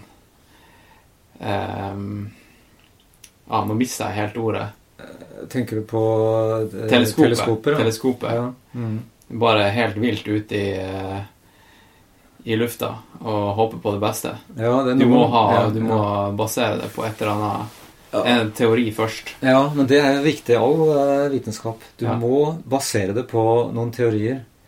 Du kan ikke bare eh, Altså, hvis du ikke er forberedt, så risikerer å gå glipp av fryktelig mange observasjoner som er, vil kunne gi deg svaret. Ja, nettopp. Eller andre svar. Eh, Eller andre svar. Så du må, du må være forberedt, altså. Mm. Det, det vil si, du må kunne eh, feltet, og så må du forstå at det du driver med, det er ikke elevøvelser. Mm. Du skal spasere ut av alle lærebøker og skrive neste kapittel, kan du si. Ja, nettopp. Det er det som er kult med forskning. Ja. Du skal ikke bare ta i bruk noe du har lært. Nei. Du skal videreutvikle Ja. lærebøkene. Ja. Tror du det har forandret seg? Uh, ja, det kan nok hende at det har vært en liten forandring der. Jeg, jeg merker at uh, uh, jeg har hatt Jeg har jo vært veileder for en god del stipendiater. Eh, av og til så har jeg merket at en og annen stipendiat har eh, operert som om man skulle utføre elevøvelser og uh, få tilbakemelding på om det var feil eller riktig Mm. fra veileder. Mm. Og, det, og da har det vært min oppgave å fortelle at det der må du faktisk uh, finne ut av selv. Nå er du der ute litt aleine. Du må bruke det du kan fra lærebøkene, men du kan ikke Det fins ikke noe direkte svar å finne i lærebøkene. Du må, du må skrive det avsnittet eller kapittelet sjøl. Og det gjør jo at folk av og til blir fryktelig frustrerte. Man har gått Kanskje hele- litt redd også. ja, man har gått hele skolegangen og regner med at alt fins i lærebøker. Ja. Uh, og dette her er jo også ting som ja, alle forskningsansvarlige ved universiteter og sånt, altså det, byråkrater og politikere må forstå at uh, vi, vi, vi, vi gjør ikke forskning for å vise at vi er så flinke at vi kan gjøre akkurat det som står i læreboka. Mm. Det er ingen elevøvelse elevøvelser vi holder på med. Altså. Det er noe helt annet. Men elevøvelser har vært viktige opp gjennom utdannelsen pga. at vi må, ha, vi må lære ting. Vi må, det er et håndverk. Vi må Mm. lære dette her. Eh, så, så det har nok gjort en del studenter frustrerte. Plutselig skjønner man at man er der litt aleine, altså. Men selvfølgelig med veiledning. ja, ikke sant. Ja. Um, ja. Um, men du, jeg har- kunne godt tenke meg, siden vi begynte med de cellene her, Ja. så kunne jeg godt tenke meg å ta neste uh, del av utviklingen, for det her var jo tidlig. Det her skjedde jo i slutten av 70-tallet. Ja.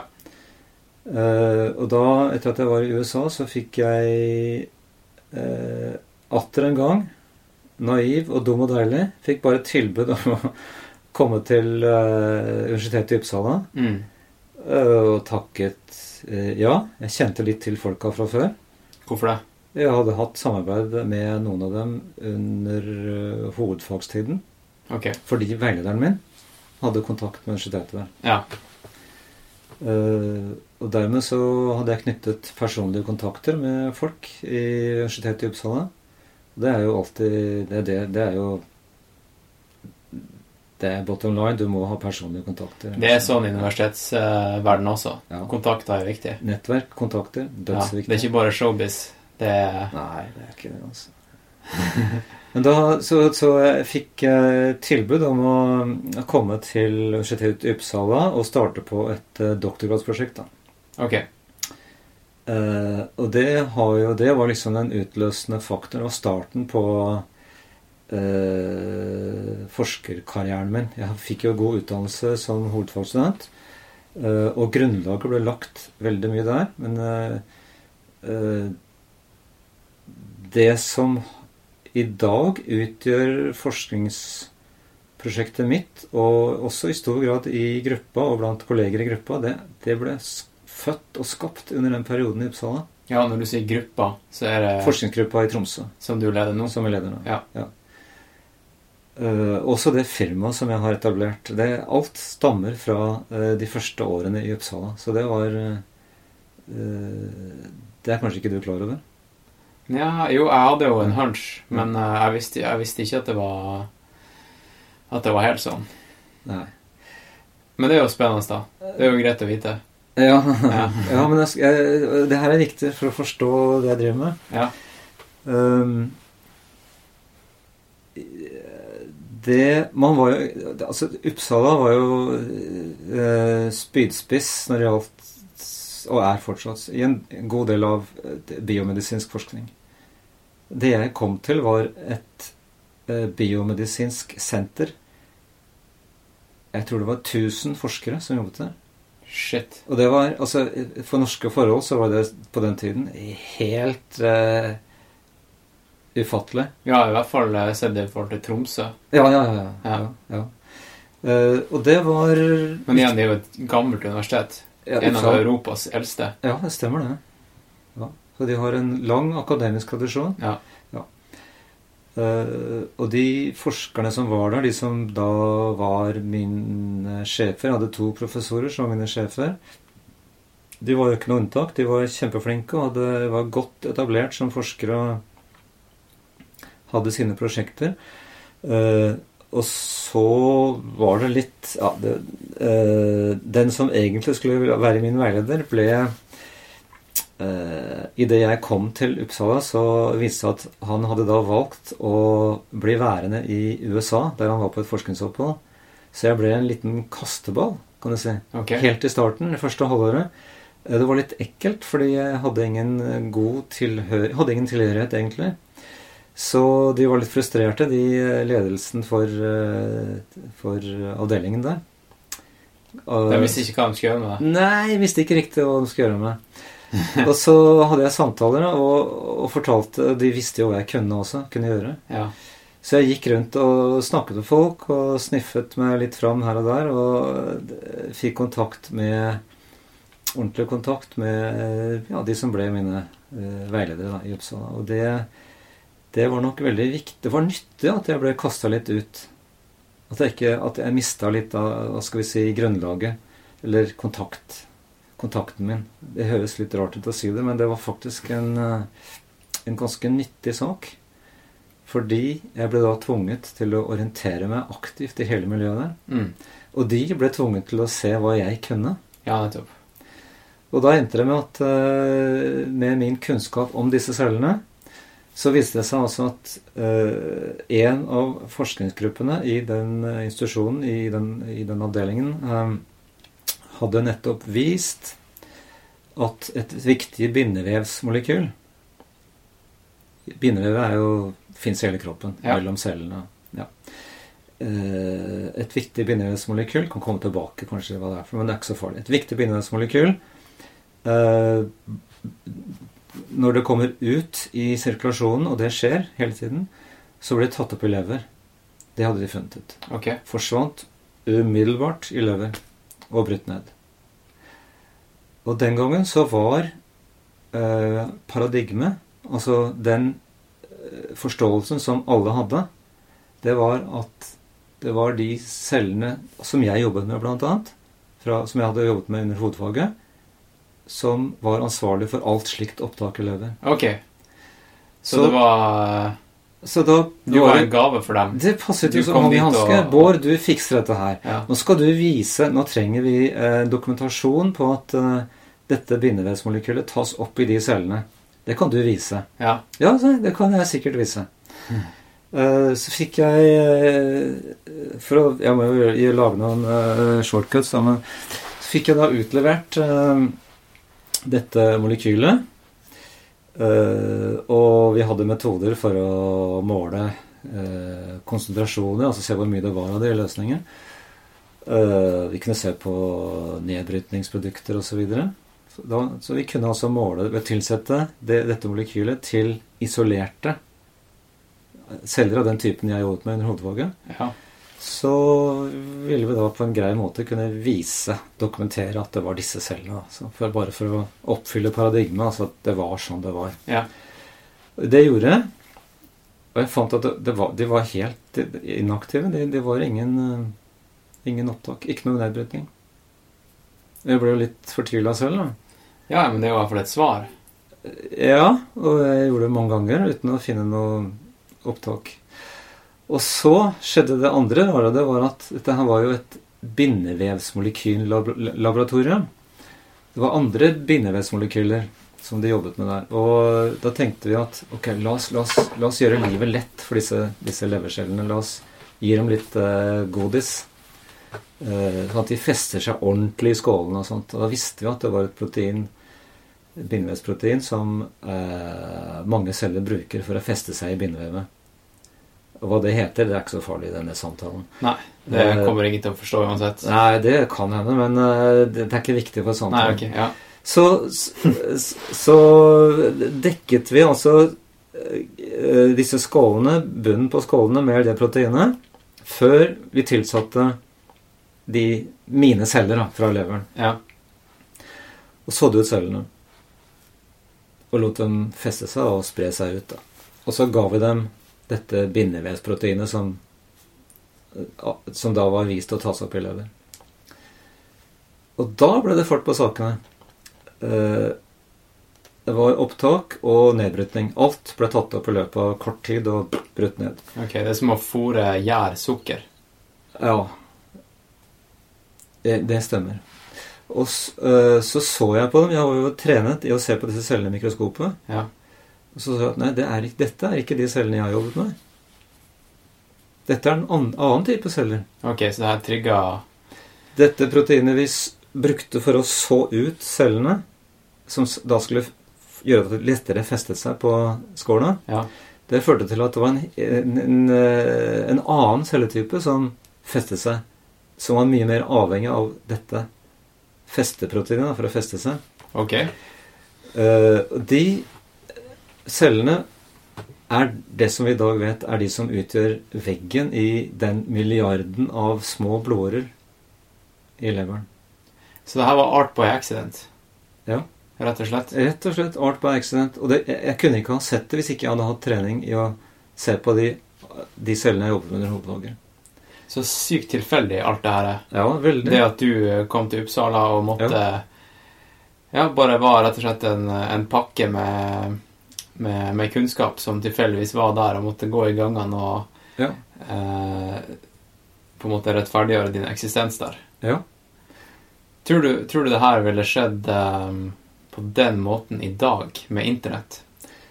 Nei, jeg tror ikke det hadde skjedd i dag. Jeg tror ikke jeg hadde blitt eh, Jeg tror ikke jeg hadde fått den friheten til å gå rundt og sniffe og prøve meg fram og snakke med folk og Tror du det er synd, eller tror du at det er mer effektiv forskning som eh, blir gjort i dag? Tror du ting går fortere pga. teknologien? Nei, jeg tror ikke ting går fortere. Jeg tror kanskje man får gjort mer, altså. Mer sånn, og da snakker jeg elevøvelse-aktig. Ja. Uh, man får gjort mer forskning, men det er ikke sikkert at det blir så mye mer grunnleggende nytt. Nå sier ikke jeg at, alt, at man skal slippe alle tøyler og bare kaste seg ut og gjøre uh, ja, sånne ting som jeg gjorde, for å, uh, for å finne ut noe nytt. Nei. Det handler jo veldig mye om flaks, og også en bakgrunn til å forstå observasjonen og kunne se at det her var ikke den cellen som, jeg, som alle trodde det var. Ja, nettopp. Så de cellene de, er da, de ble gjenstand for eh, doktorgradsavhandlingen og alt det senere arbeidet som jeg har gjort. Eh, og hvorfor? Jo, det er ikke bare det ene molekylet som jeg fikk beskjed om å vise ble tatt opp i de cellene. Det viser seg at de her cellene som jeg da klarte å, å identifisere, de nye typen leverceller, de er ansvarlige for opptak av en drøss med eh, molekyler som ikke skal være i sirkulasjonen. Masse ulike det såkalte makromolekyler, altså store molekyler som kroppen ikke kan eh, skille seg av med verken gjennom å skilles ut gjennom nyre eller andre steder. Ok, Så det må gjennom De må gjennom disse cellene i leveren. Uh, og det, det gjelder ja, stort sett alle eh, proteiner som, som, som da ikke hører hjemme i sirkulasjonen, eller uh, viruspartikler. Mm. Uh, og så kommer man inn på nanopartikler. Virus er jo på størrelse Det er nanopartikler Ja. i størrelse. Uh, og, og det her ga da bakgrunnen for å kunne uh, foreslå opprettelsen av uh, et firma for å kunne utnytte kunnskapen her på en eh, kommersiell måte. Mm. Det blir man jo oppfordret til, og det er jo viktig å kunne skaffe arbeidsplasser ut av forskningsresultater. Ikke sant, for det er jo på en måte også en av grunnene til å, til å ha et universitet. Er å skape arbeidsplasser. Ja, skape dem ute i samfunnet. Ja. Og nå mer enn Nå blir jo det her Det blir jo trykket mer og mer på akkurat den delen av akademia at man skal lete etter muligheter for å øh, kommersialisere ja. forskningen. Og lage såkalte startups som Ja. er Ja. i vinden. Ja. Så det, det jeg gjorde da, var å ta kontakt med et slikt kontor som hjelper til å øh, øh, kommersialisere forskning. Eh, Ethvert universitet har slikt kontor nå. Det var ikke sånn da jeg begynte, det var helt i starten. Når var det her? Ja, det begynte vel å undersøke sakene i midten, tidlig i midten på 2000-tallet. Ja. Så det begynner å bli en stund siden. Mm. Uh, og tanken bak opprettelsen av Eller ideen med opprettelsen av det firmaet var uh, denne her spesielle kunnskapen uh, jeg hadde om at disse cellene er viktige i å fjerne det vi kaller makromolekyler, og store molekyler fra sirkulasjon, og nanopartikler. Eh, Ikke de gamle, det som man trodde før, men det er de nye, den nye typen nye i anførselstegn, typen leverceller som vi oppdaget funksjonen til uh, mens jeg var i Uppsala. Uh, og hvorfor dette er viktig? Hvorfor, hvordan, hvorfor kan man starte et firma pga. dette her? Jo, det er fordi at all, nest, veldig mye ny utvikling av legemidler handler om uh, å utvikle store molekyler som må injiseres i sirkulasjonen for å nå fram til organer som uh, er syke, eller som skal ha celler som må enten drepes eller uh, manipuleres for at pasienten skal bli frisk, enten det er kreft eller infeksjon eller Ja. Eh, og det, da, da kommer begrepet 'targeting', altså målrettingen. Mm. Du må få medisinene fram dit de skal. Eh, og targeting i, i, I min forstand så er det Og med min bakgrunn så gjelder det to ting. Det ene er at disse spesielle nye typene medisiner skal fram til de organene som trenger medisinen. Men det som er vel så viktig, er at man skal kunne kontrollere eller unngå uønska targeting i lever. Hva vil det si, da? Der disse cellene er, som har til egenskap De er jo utviklet fra naturens side til å rense ting som ikke skal være i blodsirkulasjonen. Ja. Blant annet slike legemidler. Så veldig ofte så opplever eh, legemiddelutviklere at ting tas opp uønsket i leveren. Og da har det i stor grad hittil vært en black box. Ja, så leveren er en, en sånn eh, vokter som eh, sier no go til det meste. Tas opp i leveren, ikke noe å gjøre med. Det er bare trist, men sånn blei det. Ja. Men vi kan, og jeg sier vi, for at jeg har jo medarbeidere som jeg har Ja, som har kommet til etter hvert. Ehm, vi har jo vår kunnskap om cellene, Mm. og hvilke mekanismer de bruker for å uh, plukke ut ting som ikke skal være i sirkulasjonen, og som de forst ja, cellene forstår ikke skal være i sirkulasjonen. Ja. Og da uh, tas disse uh, legemiddelkandidatene ut før de kan nå fram til eh, dit de skal. Eh, og, og det er bakgrunnen til at vi kan tilby eh, tjenester til ja, ganske store legemiddelutviklere. Okay. Internasjonale. Og det er jo veldig tilfredsstillende å se tilbake på den litt sånn tilfeldige utviklinga som jeg har vært med på, og så kunne ende opp med et firma Ja, ikke sant? Jeg har jo ikke Men- hatt, jeg har ikke hatt uh, visjoner om å uh, Jeg har ikke sett meg selv f.eks. som en uh, professor fra starten av. Eh, all, alle muligheter var der. Jeg har, jeg har fokusert på rett og slett å ha det gøy med det jeg drev med. Ja, For det har vært artig. Det er klart det har vært dritartig. Hvorfor har det vært artig? For at man har vært med på å oppleve og se og utvikle nye ting. Ja, ikke sant? Og, og det å folk- skrive, skrive lærebøkene. Det jo må jo være artig i det i seg sjøl. Ja, nå begynner dette her å komme ut i lærebøkene. altså. Ja. Ja. Det, det har tatt lang, lang tid, og nå begynner det å komme ut. Hva er det som gjør at det tar tid? Hva, hvordan må det liksom forankre seg? Hvorfor, eh, hvordan foregår det der? forskning er, eller vitenskap er ekstremt konservativ. Eh, og det må den jo være, fordi eh, eh, Man kan ikke Man kan ikke oppta nye ideer i ett sett. Eh, de ideene som man ender opp med å stole på, altså de paradigmene man har, Mm. de må være basert på langtidsforskning og, lang, og, og stor enighet blant forskerne. Ja. Og det skal mye til å bryte de, de enighetene. Hvordan oppnår man eh, den enigheten? Må alle, alle forskere i det feltet, eller veldig mange, da, gjøre akkurat samme eksperiment, eller kan de lese en artikkel og eh, se på fakta som er lagt til grunn, og bare si 'tommel opp', jeg er enig, det ser bra ut'? Ja um, Ja, altså måten eh, forskningen eller resultatene spres på, er gjennom å publiseres. Ja.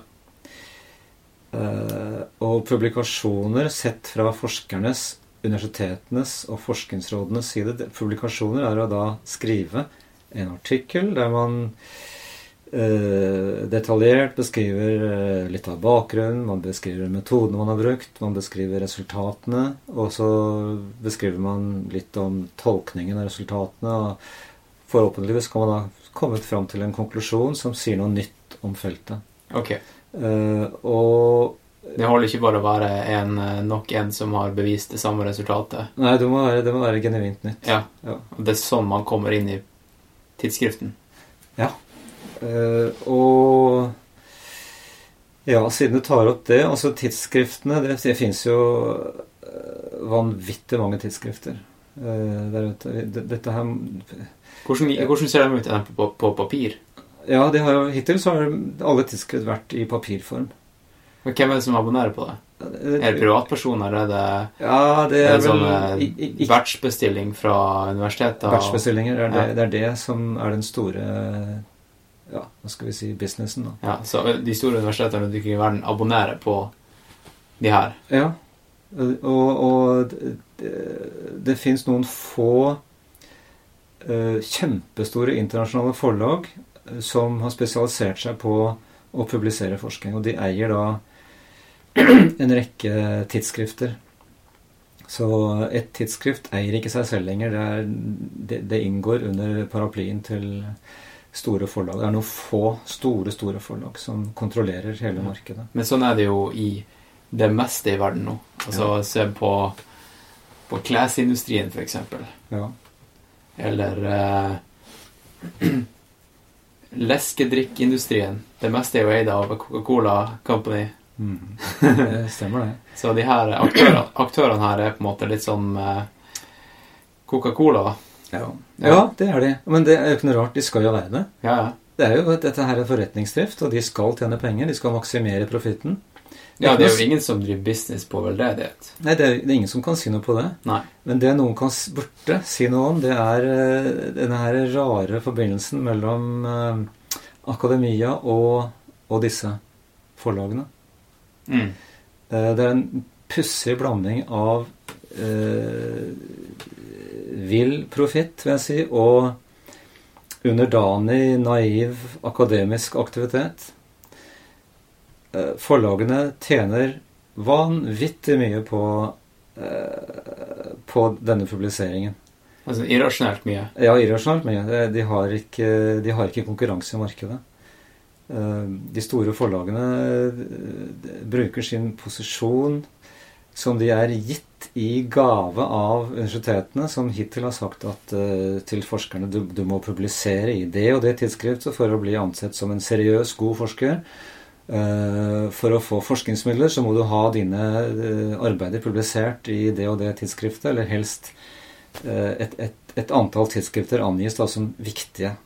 Hvis du har publisert i, i, det angitte an, typen tidsskrifter, så uh, får du en slags poeng da, for å Ja. komme opp i konkurransen, og du får eksterne forskningsmidler. Du får uh, lettere Du konkurrerer ut andre når det gjelder jobb, som f.eks. professorat. Eh, og, og, og, så takket være eh, universitetenes eh, reglement om at det skal være slik, så sitt, kan forlagene sitte og bare smile Og håve inn. og håve inn. Og hvor, hva er det de håver inn? Jo, eh, forskerne og universitetene bruker skattebetalerens penger til å utføre forskningen. Ja. Forskerne får sin lønn fra skattebetalernes penger. Dette her er jo stort sett akkurat det eh, Skattebetalere og, som du sa, eksterne midler. Ja, nå, nå holder vi eh, Ja, eksterne midler også. Ja. Men eksterne midler er jo til syvende og sist skattebetalernes midler også. Forskningsrådet får jo sine eh, middel, penger fra eh, regjeringen. Ja, ok. Mm. Eh, Du har noen Kreftforeningen samler inn penger, noen andre som samler inn penger, men i, i den store summen så er det småtterier. ok. Så det, det er stort sett skattebetalernes midler det handler om. Så ja. Så da er regnestykket at uh, forskerne utfører forskningen. De får sin lønn fra uh, arbeidsgiveren universitetet. Uh, så skal forskerne skrive sammen uh, resultatene som de får. Og så skal de eh, sende inn eh, manuskriptene til vurdering i tidsskriftene. For de må ha det publisert. Mm. Det kreves. Hvis du ikke publiserer, så kan du bare pakke sammen og dra fra universitetet. Altså. Ja, ikke sant? For det er ditt bevis på at du faktisk jobber. Ja, riktig. Ja. Eh, så må du betale en sum for å sende inn manuskriptet til tidsskriftene. Og i neste omgang så vil tidsskriftene eh, ta imot manuskriptet og henvende seg til andre forskere ved universitetene eh, og spør Kan ikke du kvalitetskontrollere dette her og se at det, er, at det stemmer? Det som? For at tidsskriftene seg sjøl har jo ingen Det er jo forretninger. Ja, ikke sant? Det er ikke, det er ikke en gjeng med forskere som Nei, og som regel er det ikke det. Så altså. det her er jo, det her er jo for å, bare for å sammenligne, prøve å sette det litt i perspektiv, da. Det er som om Aftenposten skulle bedt sine abonnenter om å sende inn artikler til dem. Mot Ja. at de abonnentene betalte en avgift for å kunne gjøre det. Ja. For så igjen abonnere på Aftenposten. Ja, så det blir at eh, Og så, ja, ja. Aftenpostens redaksjon kan da sitte og, og få folk ute der ute til å operere som journalister. Ja, så det eneste, de trenger, det eneste de trenger å gjøre, Mm. er å sørge for at, at eh, artiklene henger på grep, at, at det er et visst fundament i det, Ja. Eh, og at eh, det faktisk blir trykt opp og sendt ut til dem som abonnerer. Ja. Men nå skal du høre, det her er jo det kan ikke gjentas for ofte. Eh, den store brøleren som universitetene gjør her, altså der pengesluket går, helt naivt og, og uforståelig, det er nettopp med, når man tenker på kvalitetsvurderingen som disse tidsskriftene trenger. Kvalitetsvurderingen utføres jo av de ansatte ved universitetet, forskerne, Mm. gratis. Og uten den kvalitetsvurderinga så ville tidsskriftene bare synke ned i jorda og bli borte. De ville ikke ha troverdighet.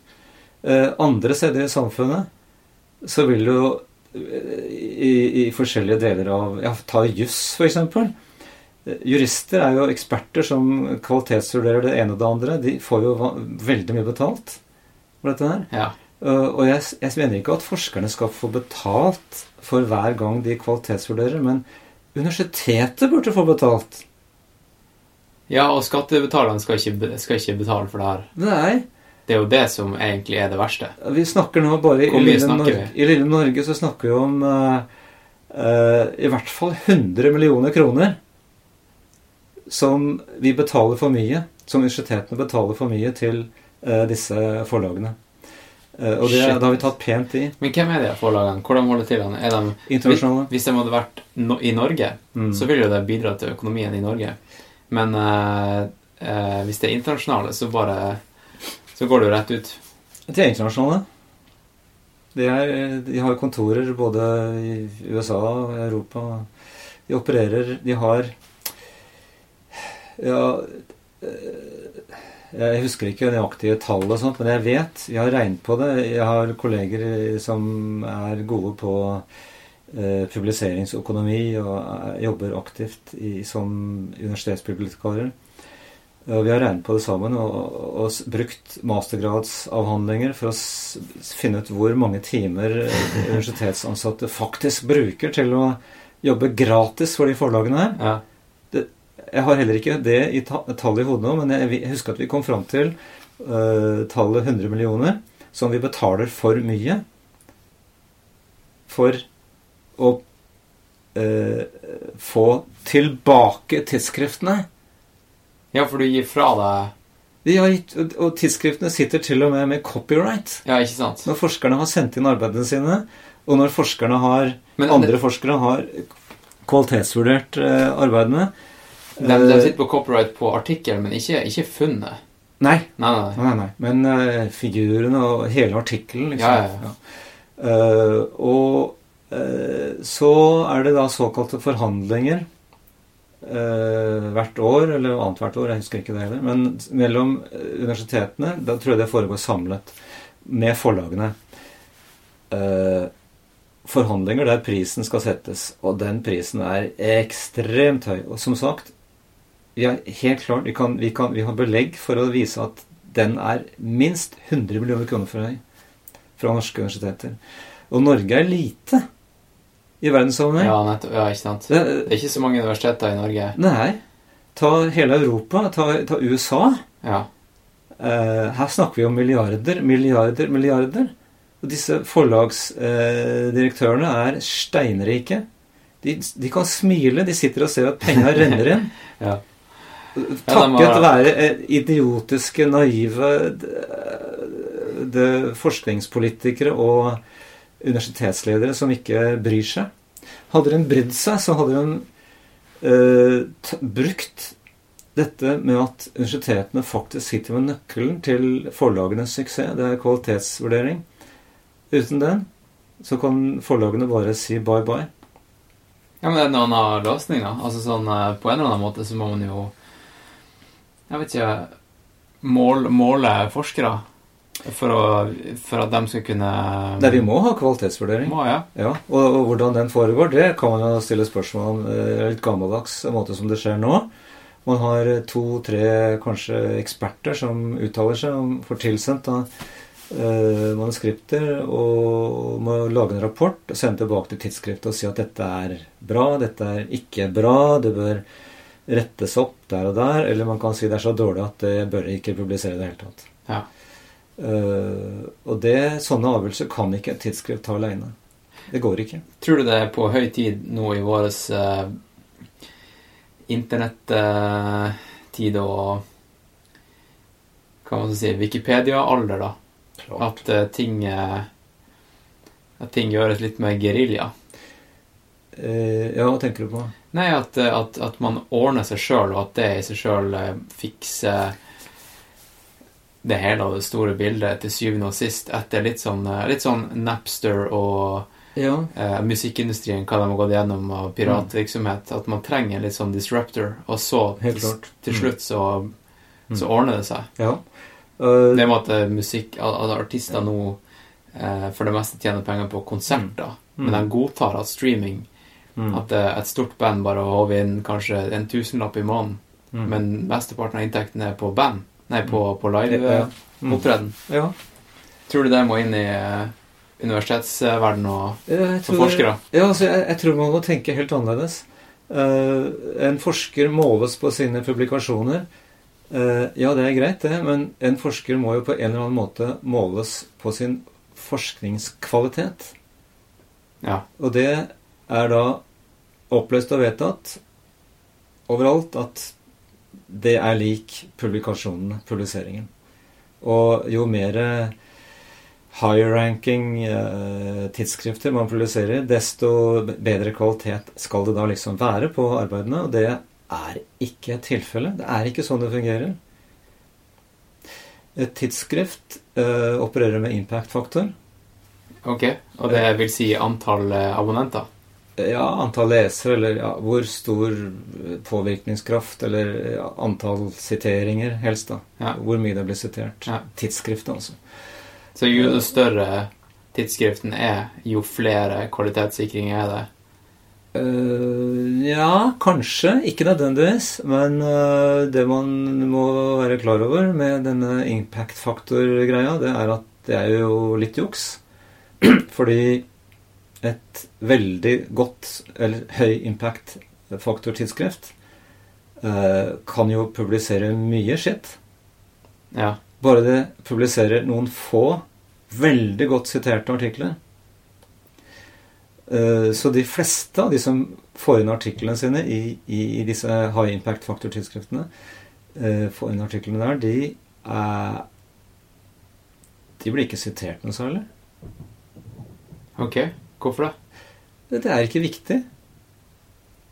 Det er ikke viktig forskning. Det er til og med vist at uh, de mest high-ranking uh, tidsskriftene vi har, de er de tidsskriftene som også har høyest antall retractions. Hva er retraction? Det vil si at forskerne blir tvunget til å trekke tilbake resultater fordi de har vist seg å være feil. Ja, nettopp. For det er så stor eh, status å få publisert i de tidsskriftene at folk omtrent dreper svigermora si for å få det til. Eh, det er helt vanvittig kjør.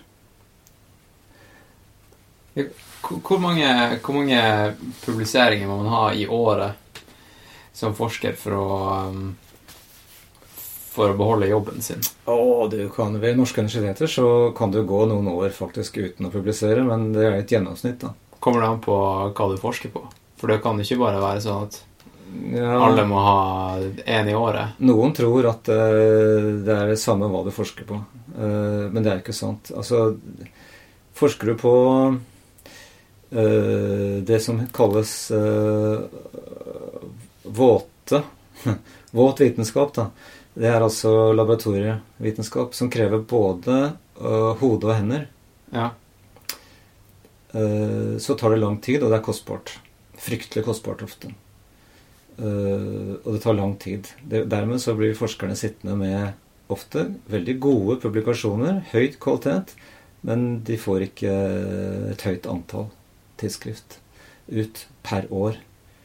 Så noen, noen publikasjoner i året er jo vanlig, da. Ja. Ja. Men uh, man bør ikke gå no, noen år uten, egentlig. Er det sånn at du uh, i arbeidshverdagen tenker på denne publikasjonen ofte, eller er det mer en konsekvens av bare konsist arbeid? For, for meg så er det ikke så farlig, for jeg har holdt på så lenge. så Jeg har nok publikasjoner. Jeg, jeg skal jo pensjonere meg om noen år uansett. altså Sånn er det jo. Ja. Så jeg ser jo på de andre, de yngre forskerne i gruppa. Stressa? Ja, de er fryktelig stressa. Fryktelig stressa for at de skjønner at uh, hvis de skal uh, oppnå fast stilling En postdoc, f.eks., en som har disputert og jobber som forsker med såkalt postdoc-status, Ja. får uh, en, et antall år å jobbe på, tre år, fire år. Og i løpet av den tida så må vedkommende ha publisert for å ha mulighet for å konkurrere med andre når man skal søke om et nytt postdoc. ja. Eh, Og særlig hvis man skal søke om å få fast stilling på universitetet. Eh, Og da er det publikasjoner som gjelder. Er det noen eh, Er, er det vanlig å å jukse seg til Publikasjoner. Jeg vil ikke si vanlig, men det forekommer, og det forekommer nok mer enn vi tror. Og, hva, og hvordan jukser man da? Er det, jukser man på resultater for å få for å få et resultat for å kunne publisere noe? Ja, det, Eller, eller, eller er det snakk om bestikkelser og sånt? Nei, er, nei, det er nok eh, helst det, det du sa om at eh, man jukser med resultater. Man, eh, man eh, faker, altså. Uh, Ja. ja, og det, det går an. Uh, klart det. Hvis du er uærlig, så er det fullt mulig. Men da skal en god uh, referee, altså en, en kvalitetsvurderer, vil jo da måtte gå gjennom alt. Ja, for det er sånn systemet fikser seg sjøl. Ja, Og det og den her retraction-greia. Så hvis noen i etterkant prøver å gjøre det igjen, ja, så må nestemann ta tilbake. ja, i et eh, ideelt samfunn så skal ting bli avslørt, men det blir ikke alltid det. altså. Eh, Så det er nok mange som sitter der ute med ufortjent uh, uh, høye Hva skal vi si ja, siteringsrater. Ja. Um, men den verste, og den som kommer nå, den verste typen juks, det er jo da uh, forskere som manipulerer med internettadresser, slik at Og ikke spør meg nøyaktig hvordan det foregår, men man kan altså manipulere systemet slik at man selv får sitt eget arbeid til kvalitetsvurdering. Så det, folk hacker seg til det. Ja. Det er det nye. Ja, og det har skjedd de siste åra. Så man bruker eh, type eh, computer eh, learning. Jeg vet ikke, Eh, jeg kan ikke si hvordan det foregår nå, Nei. men eh, jeg vet at det foregår, og det har vært en del saker. Hæ. Uh, og, det, uh, og det er klart det, altså dette er så viktig for folk at uh, Som sagt, man gjør ting som man absolutt ikke burde gjøre. Det er jo mennesker, dette her. Det er mennesker som vil ha en karriere, som vil ha et levebrød. Ja. Og særlig, det blir jo vanskeligere og vanskeligere å få fast jobb i akademia. Og i Norge så får man ikke gode, faste jobber i næringslivet heller eh, uten videre. Ja, spesielt ikke i Tromsø, da, men Norge har jo ikke noe Det er ikke et, en god utbygget industri der forskere kan gå inn og ta jobber. Det skjer, men det, det vanligste er jo at forskerutdanna folk de klamrer seg fast i universitetsjobber. blir. Ja. ja.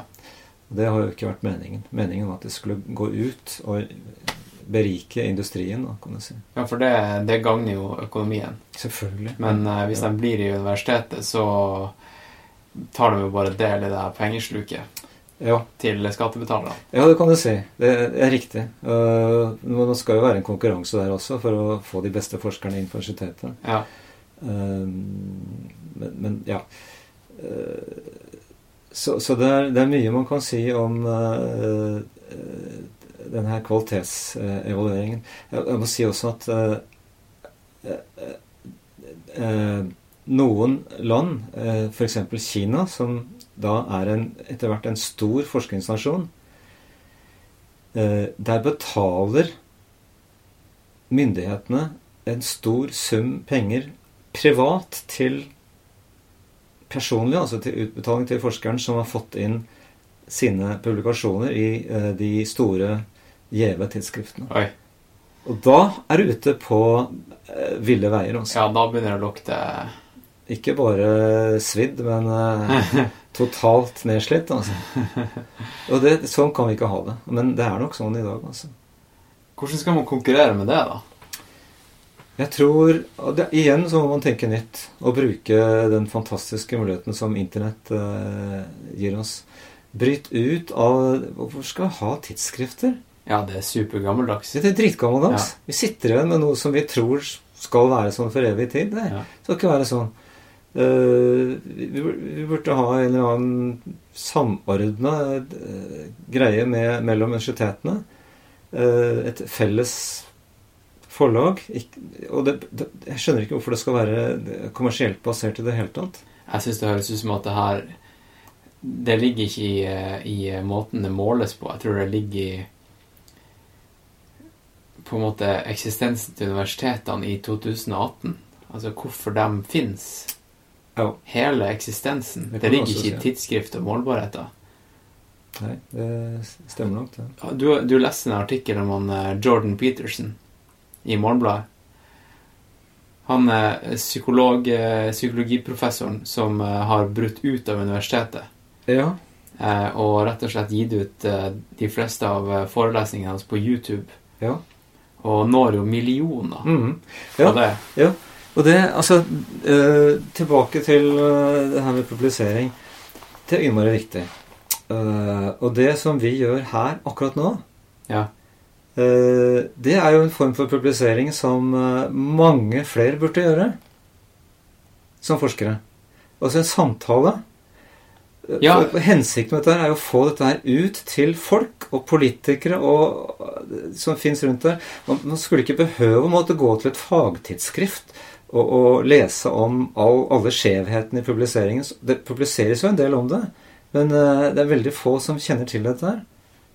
Hvor mange er det som faktisk leser de her tidsskriftene? Altså det, er det mer sånn eh, du sender, du sender artikkelen din inn til tidsskriften, og du får et svar eh, en stund senere om at ja, den har blitt godkjent, og så, og så tar du deg et glass champagne og feirer akkurat det.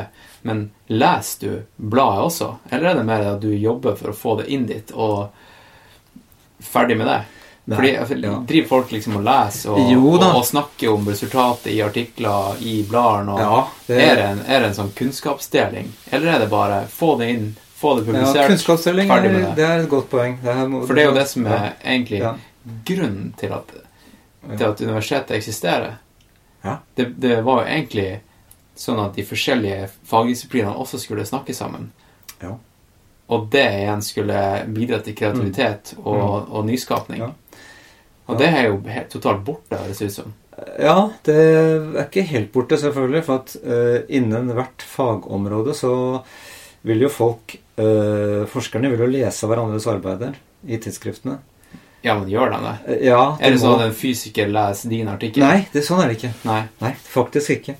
Det er bare når, Vi har jo samarbeid på tvers av grensene, så vi jobber sammen med fysikk.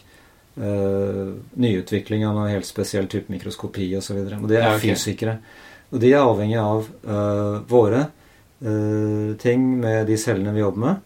Uh, cellebiologi og våre internasjonale kontakter. Og vi er avhengig av dem, fysikerne, for de har ting ikke vi har peiling på. De kan sine ting.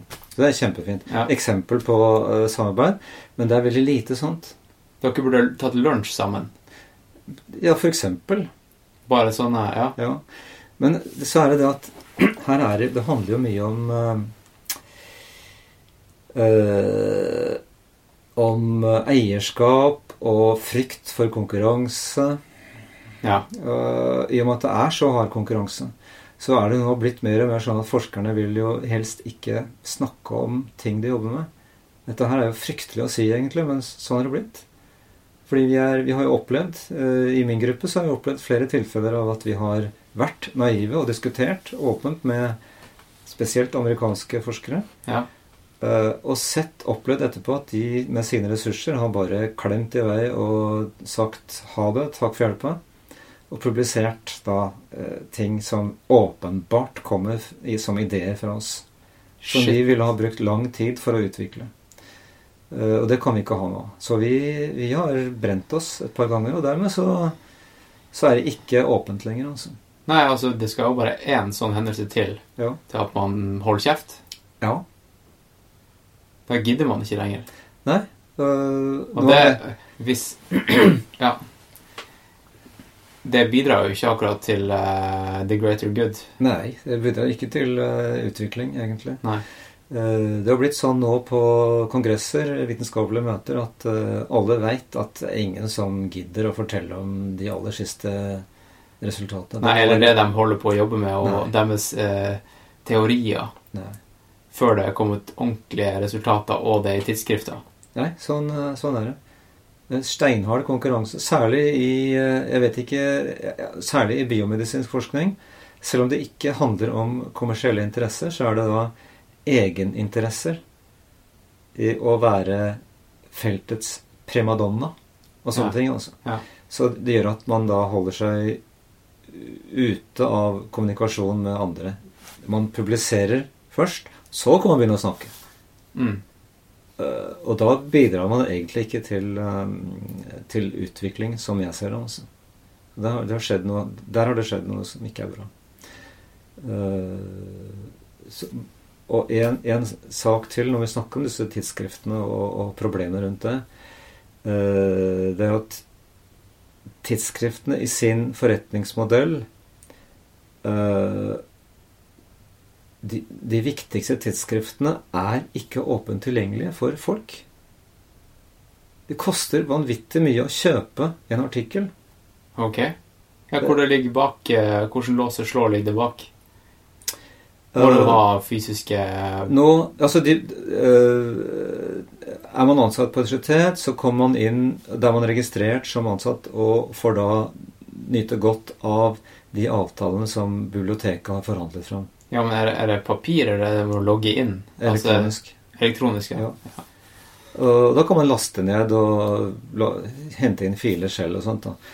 Uh, eh, og, men og, og hvis man ikke er del av Hvis man ikke er ansatt ved et universitet som har akkurat den avtalen med det, det forlaget, Ja. så må man bestille arbeidet manuelt gjennom sitt bibliotek. Og det kan ta flere uker før man får en papirversjon. Tuller du? Nei, alvor! sånn fungerer det. Og det er helt primitivt. Det, vi, jo, vi som jobber med cellebiologi, er jo veldig avhengig av eh, høyoppløselige bilder, Ja. eksempel. Det får vi ikke. Du får et uh, A4-ark med en kopi. Ja, En en faks. Ja. Ja, omtrent faks. Det er jo Ja, Xerox, da. Ja. Uh, og det verste er jo småfirmaer, sånn som det firmaet jeg startet. ja. Uh, vi har jo ikke råd til å forhandle fram avtale med disse forlagene. Så vi støter jo hele tiden på uh, denne her muren. Og da kan vi kjøpe elektronisk tilgang til akkurat den artikkelen som vi trenger. Men da må du vite at den artikkelen finnes. Ja, vi, kan, vi finner den på, på nett. Og vi kan ofte Ok, det er sånn her eh, clickbaits. Du ser det- art- eh, overskriften Du vil ikke tro hva som skjedde. Ja, det er omtrent sånn. Ja, nei, det er ikke sånn. Det er, det er jo en, eh, en eh, publikumsåpen, eh, tilgjengelig kjempedatabase i USA som, eh, som ja, alle har til, tilgang til. Og Der kan man se tittelen på ar- alle arbeider som er gitt ut, Ja. eh, som vi har interesse av. Og navn på forfattere og, og, og en, Alle som har kvalitetssikra. ja, Ja. de må være kvalitetssikret. Og så får vi en oppsummering. Alle arbeider skal ha en eh, summary, en oppsummering på en, et lite avsnitt. Ok. Det får man stort sett tilgang til. Okay. Hvis du vil lese mer om metoder og resultater og sånt, så må du altså betale ganske mye. Jeg husker ikke hvor mye det er nå. Er det samme sum hver gang, eller varierer Det varierer etter hvor high fashion-tidsskriftet er og sånn. Ok. Det er deres businessmodell. Eh, Så de har ikke open access. Da begynner å komme open access-tidsskrifter, men selv de vil jo ta veldig mye betalt for å eh, få lov å sende inn artikler til tidsskrifter, pluss at eh, universitet ja, eh, ja, avtaler og sånt, det koster penger, da. Og det, også, det koster for mye, det også. Men de, de er et skritt på vei. Det er en god del tidsskrifter som nå skjønner at eh, det kommer noe etter hvert. EU kjemper for å eh, få til open access-avtaler med disse rovtidsskriftene. Ja. Kommer ingen vei. Kommer ingen vei. Nei, selvfølgelig ikke. Hvis de, kan, eh, hvis de har eh, monopol og bare kan sette reglene sjøl, Ja, og håve inn, selvfølgelig, selvfølgelig gjør de det. selvfølgelig. Og da kommer vi tilbake til hva kan universitetene gjøre? Jo, universitetene kan si til seg selv, ikke minst Det er vi som er ekspertene. Vi kan bedømme forskernes arbeider. Ja, vi er trenger ikke et tidsskrift som dere for å Nei, Nei. nei. Eller dere trenger oss. Ja. Ja, det blir som jeg sa, som jeg nevnte her om dagen til, at det er litt som eh, valuta.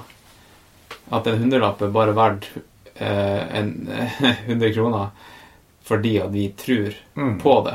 Ja. Og at eh, massen er enig om at en hundrelapp er verdt ca. en halvliter øl. Ikke sant? ja, det kan du si. Ja, nei, men det er jo bare en kollektiv eh, oppfattelse av hva som er verdt noe. Ja. Og hvis alle bare plutselig ikke tror på det lenger, så er det, så er det ikke verdt det lenger. Nei, Det er sant. Så man kan si at eh, tidsskriftene håver inn milliarder fra internasjonal akademia eh, på en en drøm eller en fiksjon, eller hva man skal si. Altså, det, det, det behøvde ikke vært sånn. De har selv sørget for å sitte så godt som mulig på systemet, så de ikke har kunnet utvikle seg. Mm.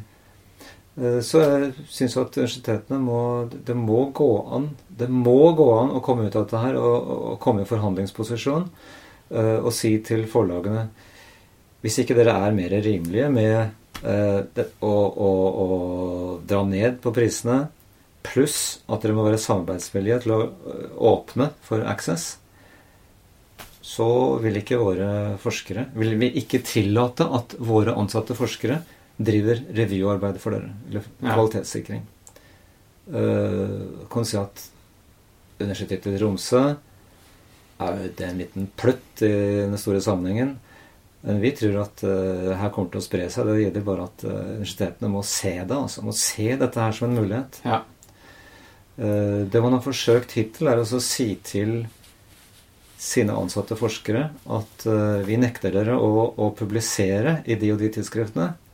Boikotte, rett og slett. Ja, men- Enkelte Ja, men det, det går jo ikke, vet du. Altså, for det, forskerne er jo fortsatt avhengig av å få inn sine arbeider for å kunne konkurrere med andre forskere. Og Ja. da har du det igjen altså, for å få eh, midler fra store internasjonale forskningsråd. For Ja, ja, ja, for det er jo ikke bare universitetet som eh, verdsetter sine forskere. forskere. Det er jo en måte å, å få, få eh, eksterne midler Ja.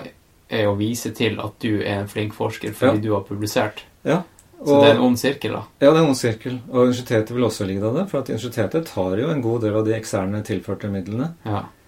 Eh, Så må universitetet bare spare opp en stor buffer og uh, ta seg ett år uten å publisere noe. altså, det går jo ikke. Nei. Nei, det, det skjønner jo alle. Noen har forsøkt det med å gå, gå inn for å ramme ett, altså det, det verste av de store forlagene. Da. Men de, de forlagene bare flirer. Vet du. Ja. Ja, Ja, skjønner at det der går ikke. Det, kan, det holder ikke lengden. Nei. Men jeg, jeg, jeg tror uh, samtaler som det her, da, Ja. Eh, og, og få det ut i offentlig debatten, det gjør jo at uh, de her forlagene kanskje begynner å, begynner å skjønne at det, det skjer noe på grasrotnivå. Ja. At det sprer seg ja. Det er det som har blant, blant folk flest, og ikke bare liksom blant forskere som sitter på kontorene sine i, oppe i Nordens, eller verdens eh, nordligste universitet. Ja. ja. Men nå har jeg hatt en veldig spesiell interesse for dette med publisering og publiseringspolicy i akademia. Jeg har sett eh, gjennom flere år, eh, lært meg hvordan disse tingene fungerer, og, og åpna øynene for hvilket enormt eh, potensial det er å eh, rydde opp i de tingene her. Tenk deg hvor mye forskning bare Universitetet i Tromsø kunne gjort for 100 millioner kroner. Ja, ja, ja. Vi kaster jo penga ut av vinduet, og det er skattebetalernes penger. Det, det, Det er vilt. det skulle vært rapportert inn til anmeldt. Riksrevisjonen, altså. ja. Ja, alvorlig talt. ja. Og de uh, Nå er det alvor. Nå er det alvor. Der har du det. Det er sant. Eh, litt, Ja, mer, hva, litt mer vann. men hva du, eh, hva du tenker om eh, For nå er det jo Jeg vet ikke hvor mange år du har igjen som eh, på universitetet. Ja, jeg kan jo holde på tre, tre år til, faktisk. Tre år til. Ja. Er, men er det sånn at du må ut, da? Nei, altså jeg får vel Hvis universitetet har bruk for meg, så kan jeg fortsette. Ok. Men du, måten du viser at de har bruk for deg, er å publisere? Er sånn? Ja, altså, eller hvis jeg driver med den virksomheten her og forteller hvor dumme universitetet er. ja. Da skjer det etter at Ja. den her er publisert. Ja, nei, men uh, alvorlig ja, så jeg eh, har vel uh, Selvfølgelig, jeg har jo muligheten til å fortsette å være tilknyttet universitetet. Om jeg ønsker det sjøl. Ja, Og surre i gangene Ja. til uh... ja. Jeg må trekke meg ut av de, de mest De viktigste oppgavene, kan du si. Da. ja, ikke sant? Ja. Men det her, er sånne ting som dette her kunne jeg godt tenke meg å Ja. fortsette med. Ja. Litt sånn lobbyisme. Ja, absolutt. Mm. Uh, og det er, det er forskrekkelig å se hvor uh, Hvor lite forskerne egentlig Det er helt forskrekkelig å se hvor lite forskerne sjøl er opptatt av dette her. Ja, er det sånn at når de, eh, når, når de er ferdig med, la oss si, eh, eller under doktorgradsstudiene og avhandlinga at de eh, ikke stiller spørsmål til det å måtte publisere. Eller bare de går inn i det med med tanken om ja, det er sånn her måles, og det er sånn det skal gjøres. Ja. Hvor mange år tror du det tar for, eh, for en vanlig forsker å skjønne det? Eller tror du det alle bare går rundt naivt og som zombier og bare publiserer og publiserer? Det, det er så stor del av hverdagen at sånn er det bare. Ja, det er sånn. Og du kan ikke forvente så mye av uh, forskerne. Det, sånt, de, de må utføre en jobb, de. Mm. Det er universitetet som har ansvar. De er ansatt på universitetet. Universitetet ber dem forske, undervise og ta litt del i administrasjonen. Sånn, ja. Men mest forske og undervise. Uh, og når det gjelder forskning, så skal de da veilede stipendiater og hjelpe stipendiatene å produsere forskningsartikler, publikasjoner. Ja. Og det går hele tiden på publikasjoner. Uh, og en forsker Du kan ikke forvente at en forsker skal sette sin egen og sine stipendiaters uh, karriere på spill for at uh, de store forlagene skal rammes. Nei, nei, nei. Det må komme Nei. ovenfra. Det må komme ovenfra. Ja, og der nytter ikke å boikotte Å si at forskerne skal boikotte visse tidsskrifter. Det må skje på en annen måte, og da mener jeg at uh, man må, universitetet som arbeidsgiver må se sitt ansvar og forstå at de har ekspertisen via sine forskere til å kvalitetsvurdere arbeider som tidsskriftet vurderer å publisere. Ja. Uh, og, og hvis, som jeg sa i stad, hvis uh, universitetet ser i forhandlinger med disse forlagene at de er altfor kostbare, at de har en råoverpris, sånn som tilfellet i dag, så må universitetet si til forlagene ok, da må vi dessverre si at uh, våre forskere ikke kan utføre kvalitetsvurderinger for dere. De kommer til å fortsette å publisere hos dere, Ja.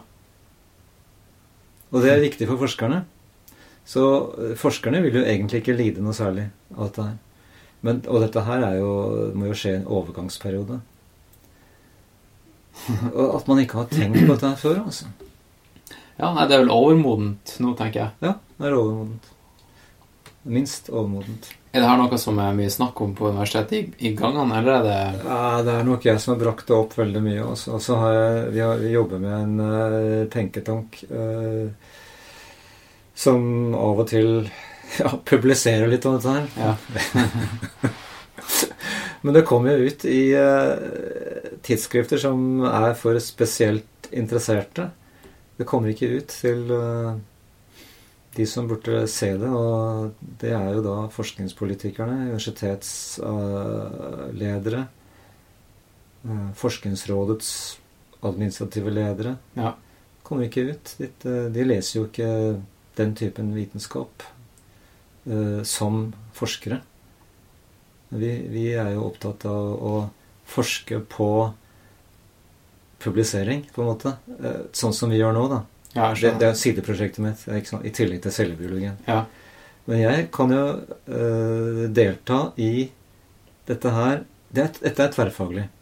Jeg kommer inn som forsker som ser hvor skoen trykker. Ja. Og så jobber jeg sammen med bibliotekarer som ser kontaktflaten mellom universitetet og de store forlagene. Mhm. Det, forskerne ser aldri det. Vi bare opplever at biblioteket, universitetsbiblioteket ordner det sånn at vi får tilgang til de og de artiklene når vi ønsker det. Ok, så det er en egen fagdisiplin.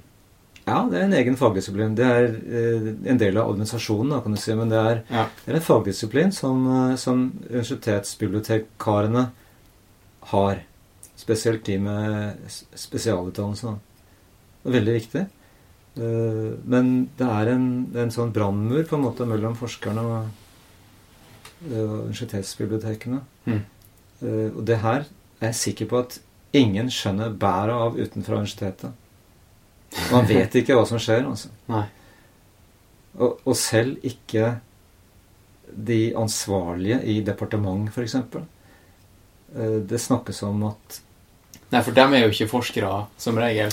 Nei. De er jo uh, flinke politikere. Ja, De vet sikkert mye om forskning og forsk forskningspolitikk, men uh, hvordan tingene egentlig henger sammen. Så når en eh, Ned på gulvet. Ja, det er jo på gulvet, ja. Ja, ja. ja. Forskerne er jo på gulvet, faktisk. Uh, og det er greit. Uh, så når en statssekretær i, for noen år siden kunne uttale at i, i forskerne holder seg med eh, kvalitetskontroll, og, og, og derfor så vet vi at det er høy kvalitet på forskningen. Eh, forsk, bare det utsagnet ja. sier jo at han vet jo ikke hva han snakker om. Er det forskerne som holder seg med det? Er dette her et ansvar mellom forskerne og forlagene? Forskerne er jo ansatt av universitetet. Men vi opererer da på en måte med to arbeidsgivere uten at universitetet bryr seg. Vi, har, vi jobber da på si gratis for forlagene For å holde det her systemet i gang. for å holde det i gang. ja. De, forlagene de klarte det uten oss. Og universitetet bryr seg ikke. De vet at det foregår noe, men de aner ikke. De bryr seg ikke om hvor mange timer vi bruker. Når vi gjør det, om det er i arbeidstida eller på kvelden eller De bryr seg ikke.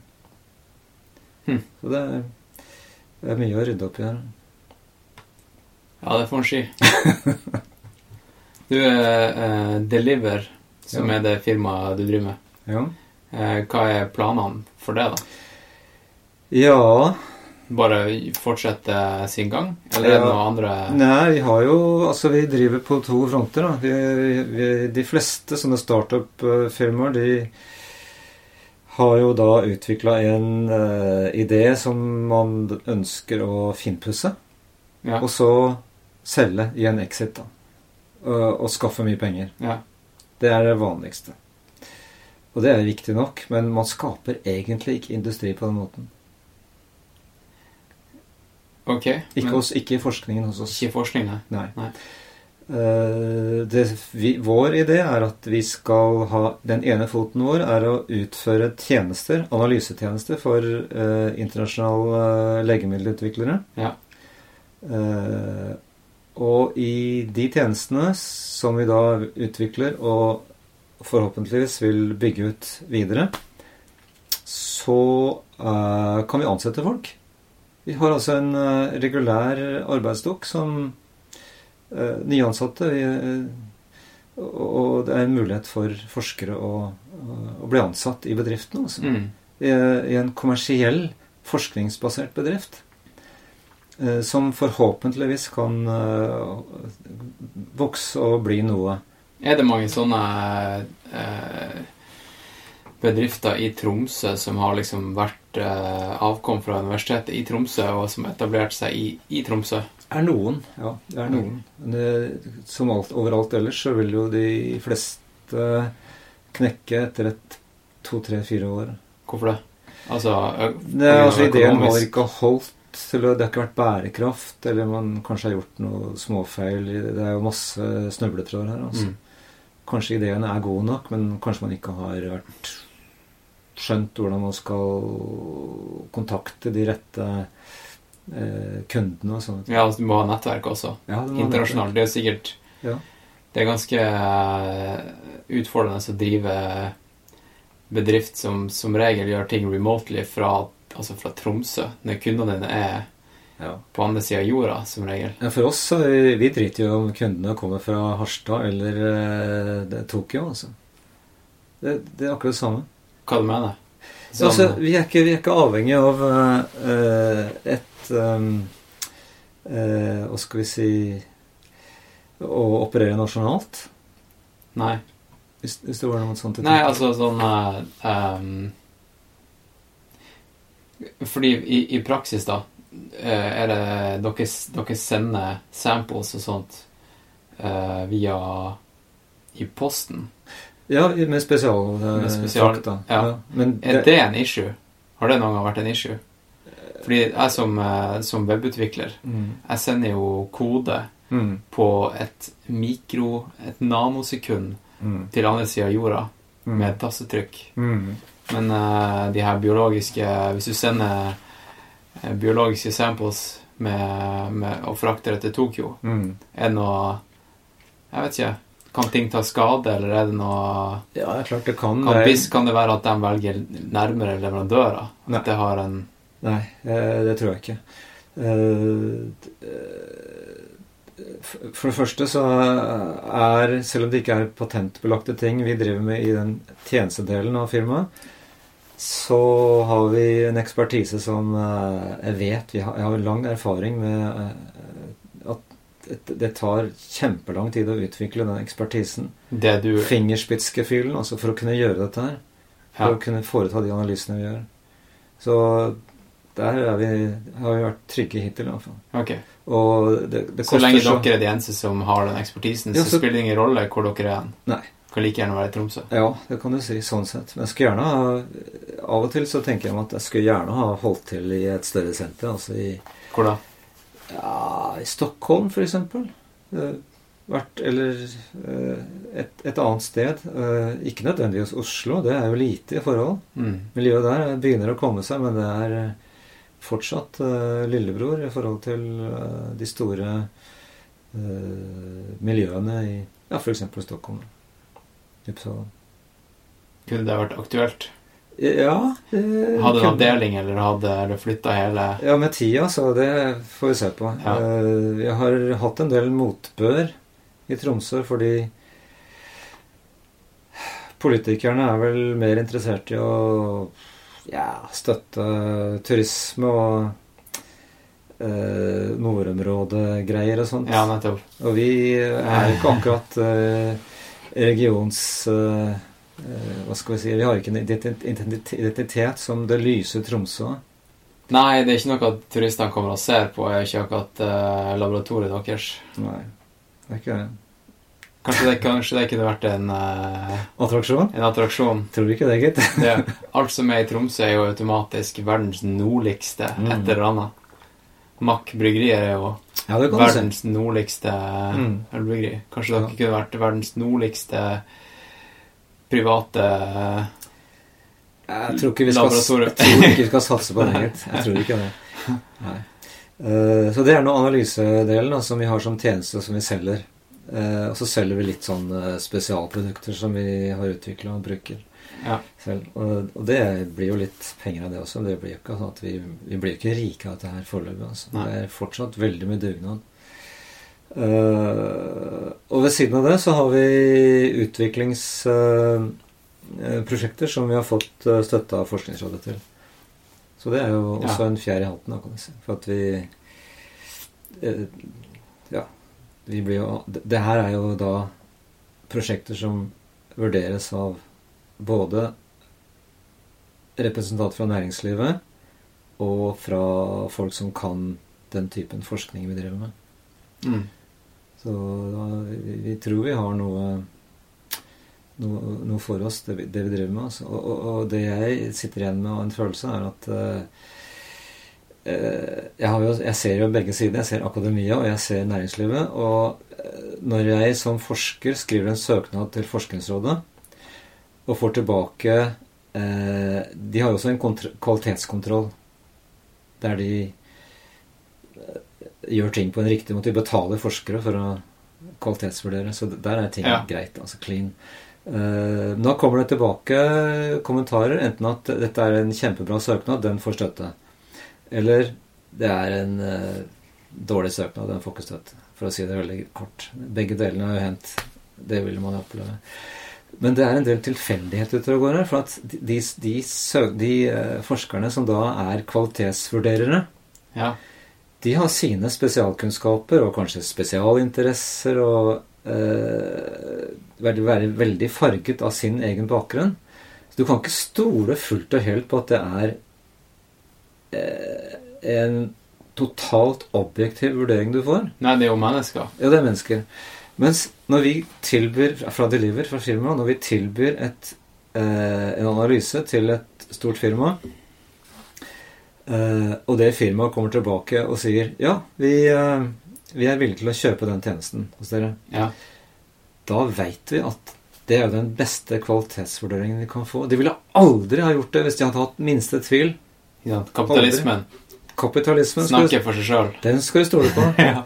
Men du må passe på at ikke de, ja. passe på at ikke de tar overhånd. Altså. Ja. Du må ikke få lov til å, øh, å kødde med akademia. Ja. Det må ikke skje, sånn som de store publiseringsforlagene gjør. Eh, Så det er, det er veldig greit å ha forbindelse med både næringsliv og øh, akademia. ja ha en fot i begge. Ja, det er det. Ja. Da. Så det er det. Hvor lenge har vi snakka nå? Skal vi se. Eh, to timer og ti minutter går fort, ass. Herregud. Ja. Men eh, ja, jeg tror det er på, på høy tid å runde av. ja, det er kanskje greit. Ja. Vi skåler litt vann, og så Skål litt. Jeg syns det har vært eh, Jeg har fått en eh, ordentlig innføring i, i det du driver med, og, og historikken bak. Så det er jo dritkult å ha fått en eh, to timers sit-down.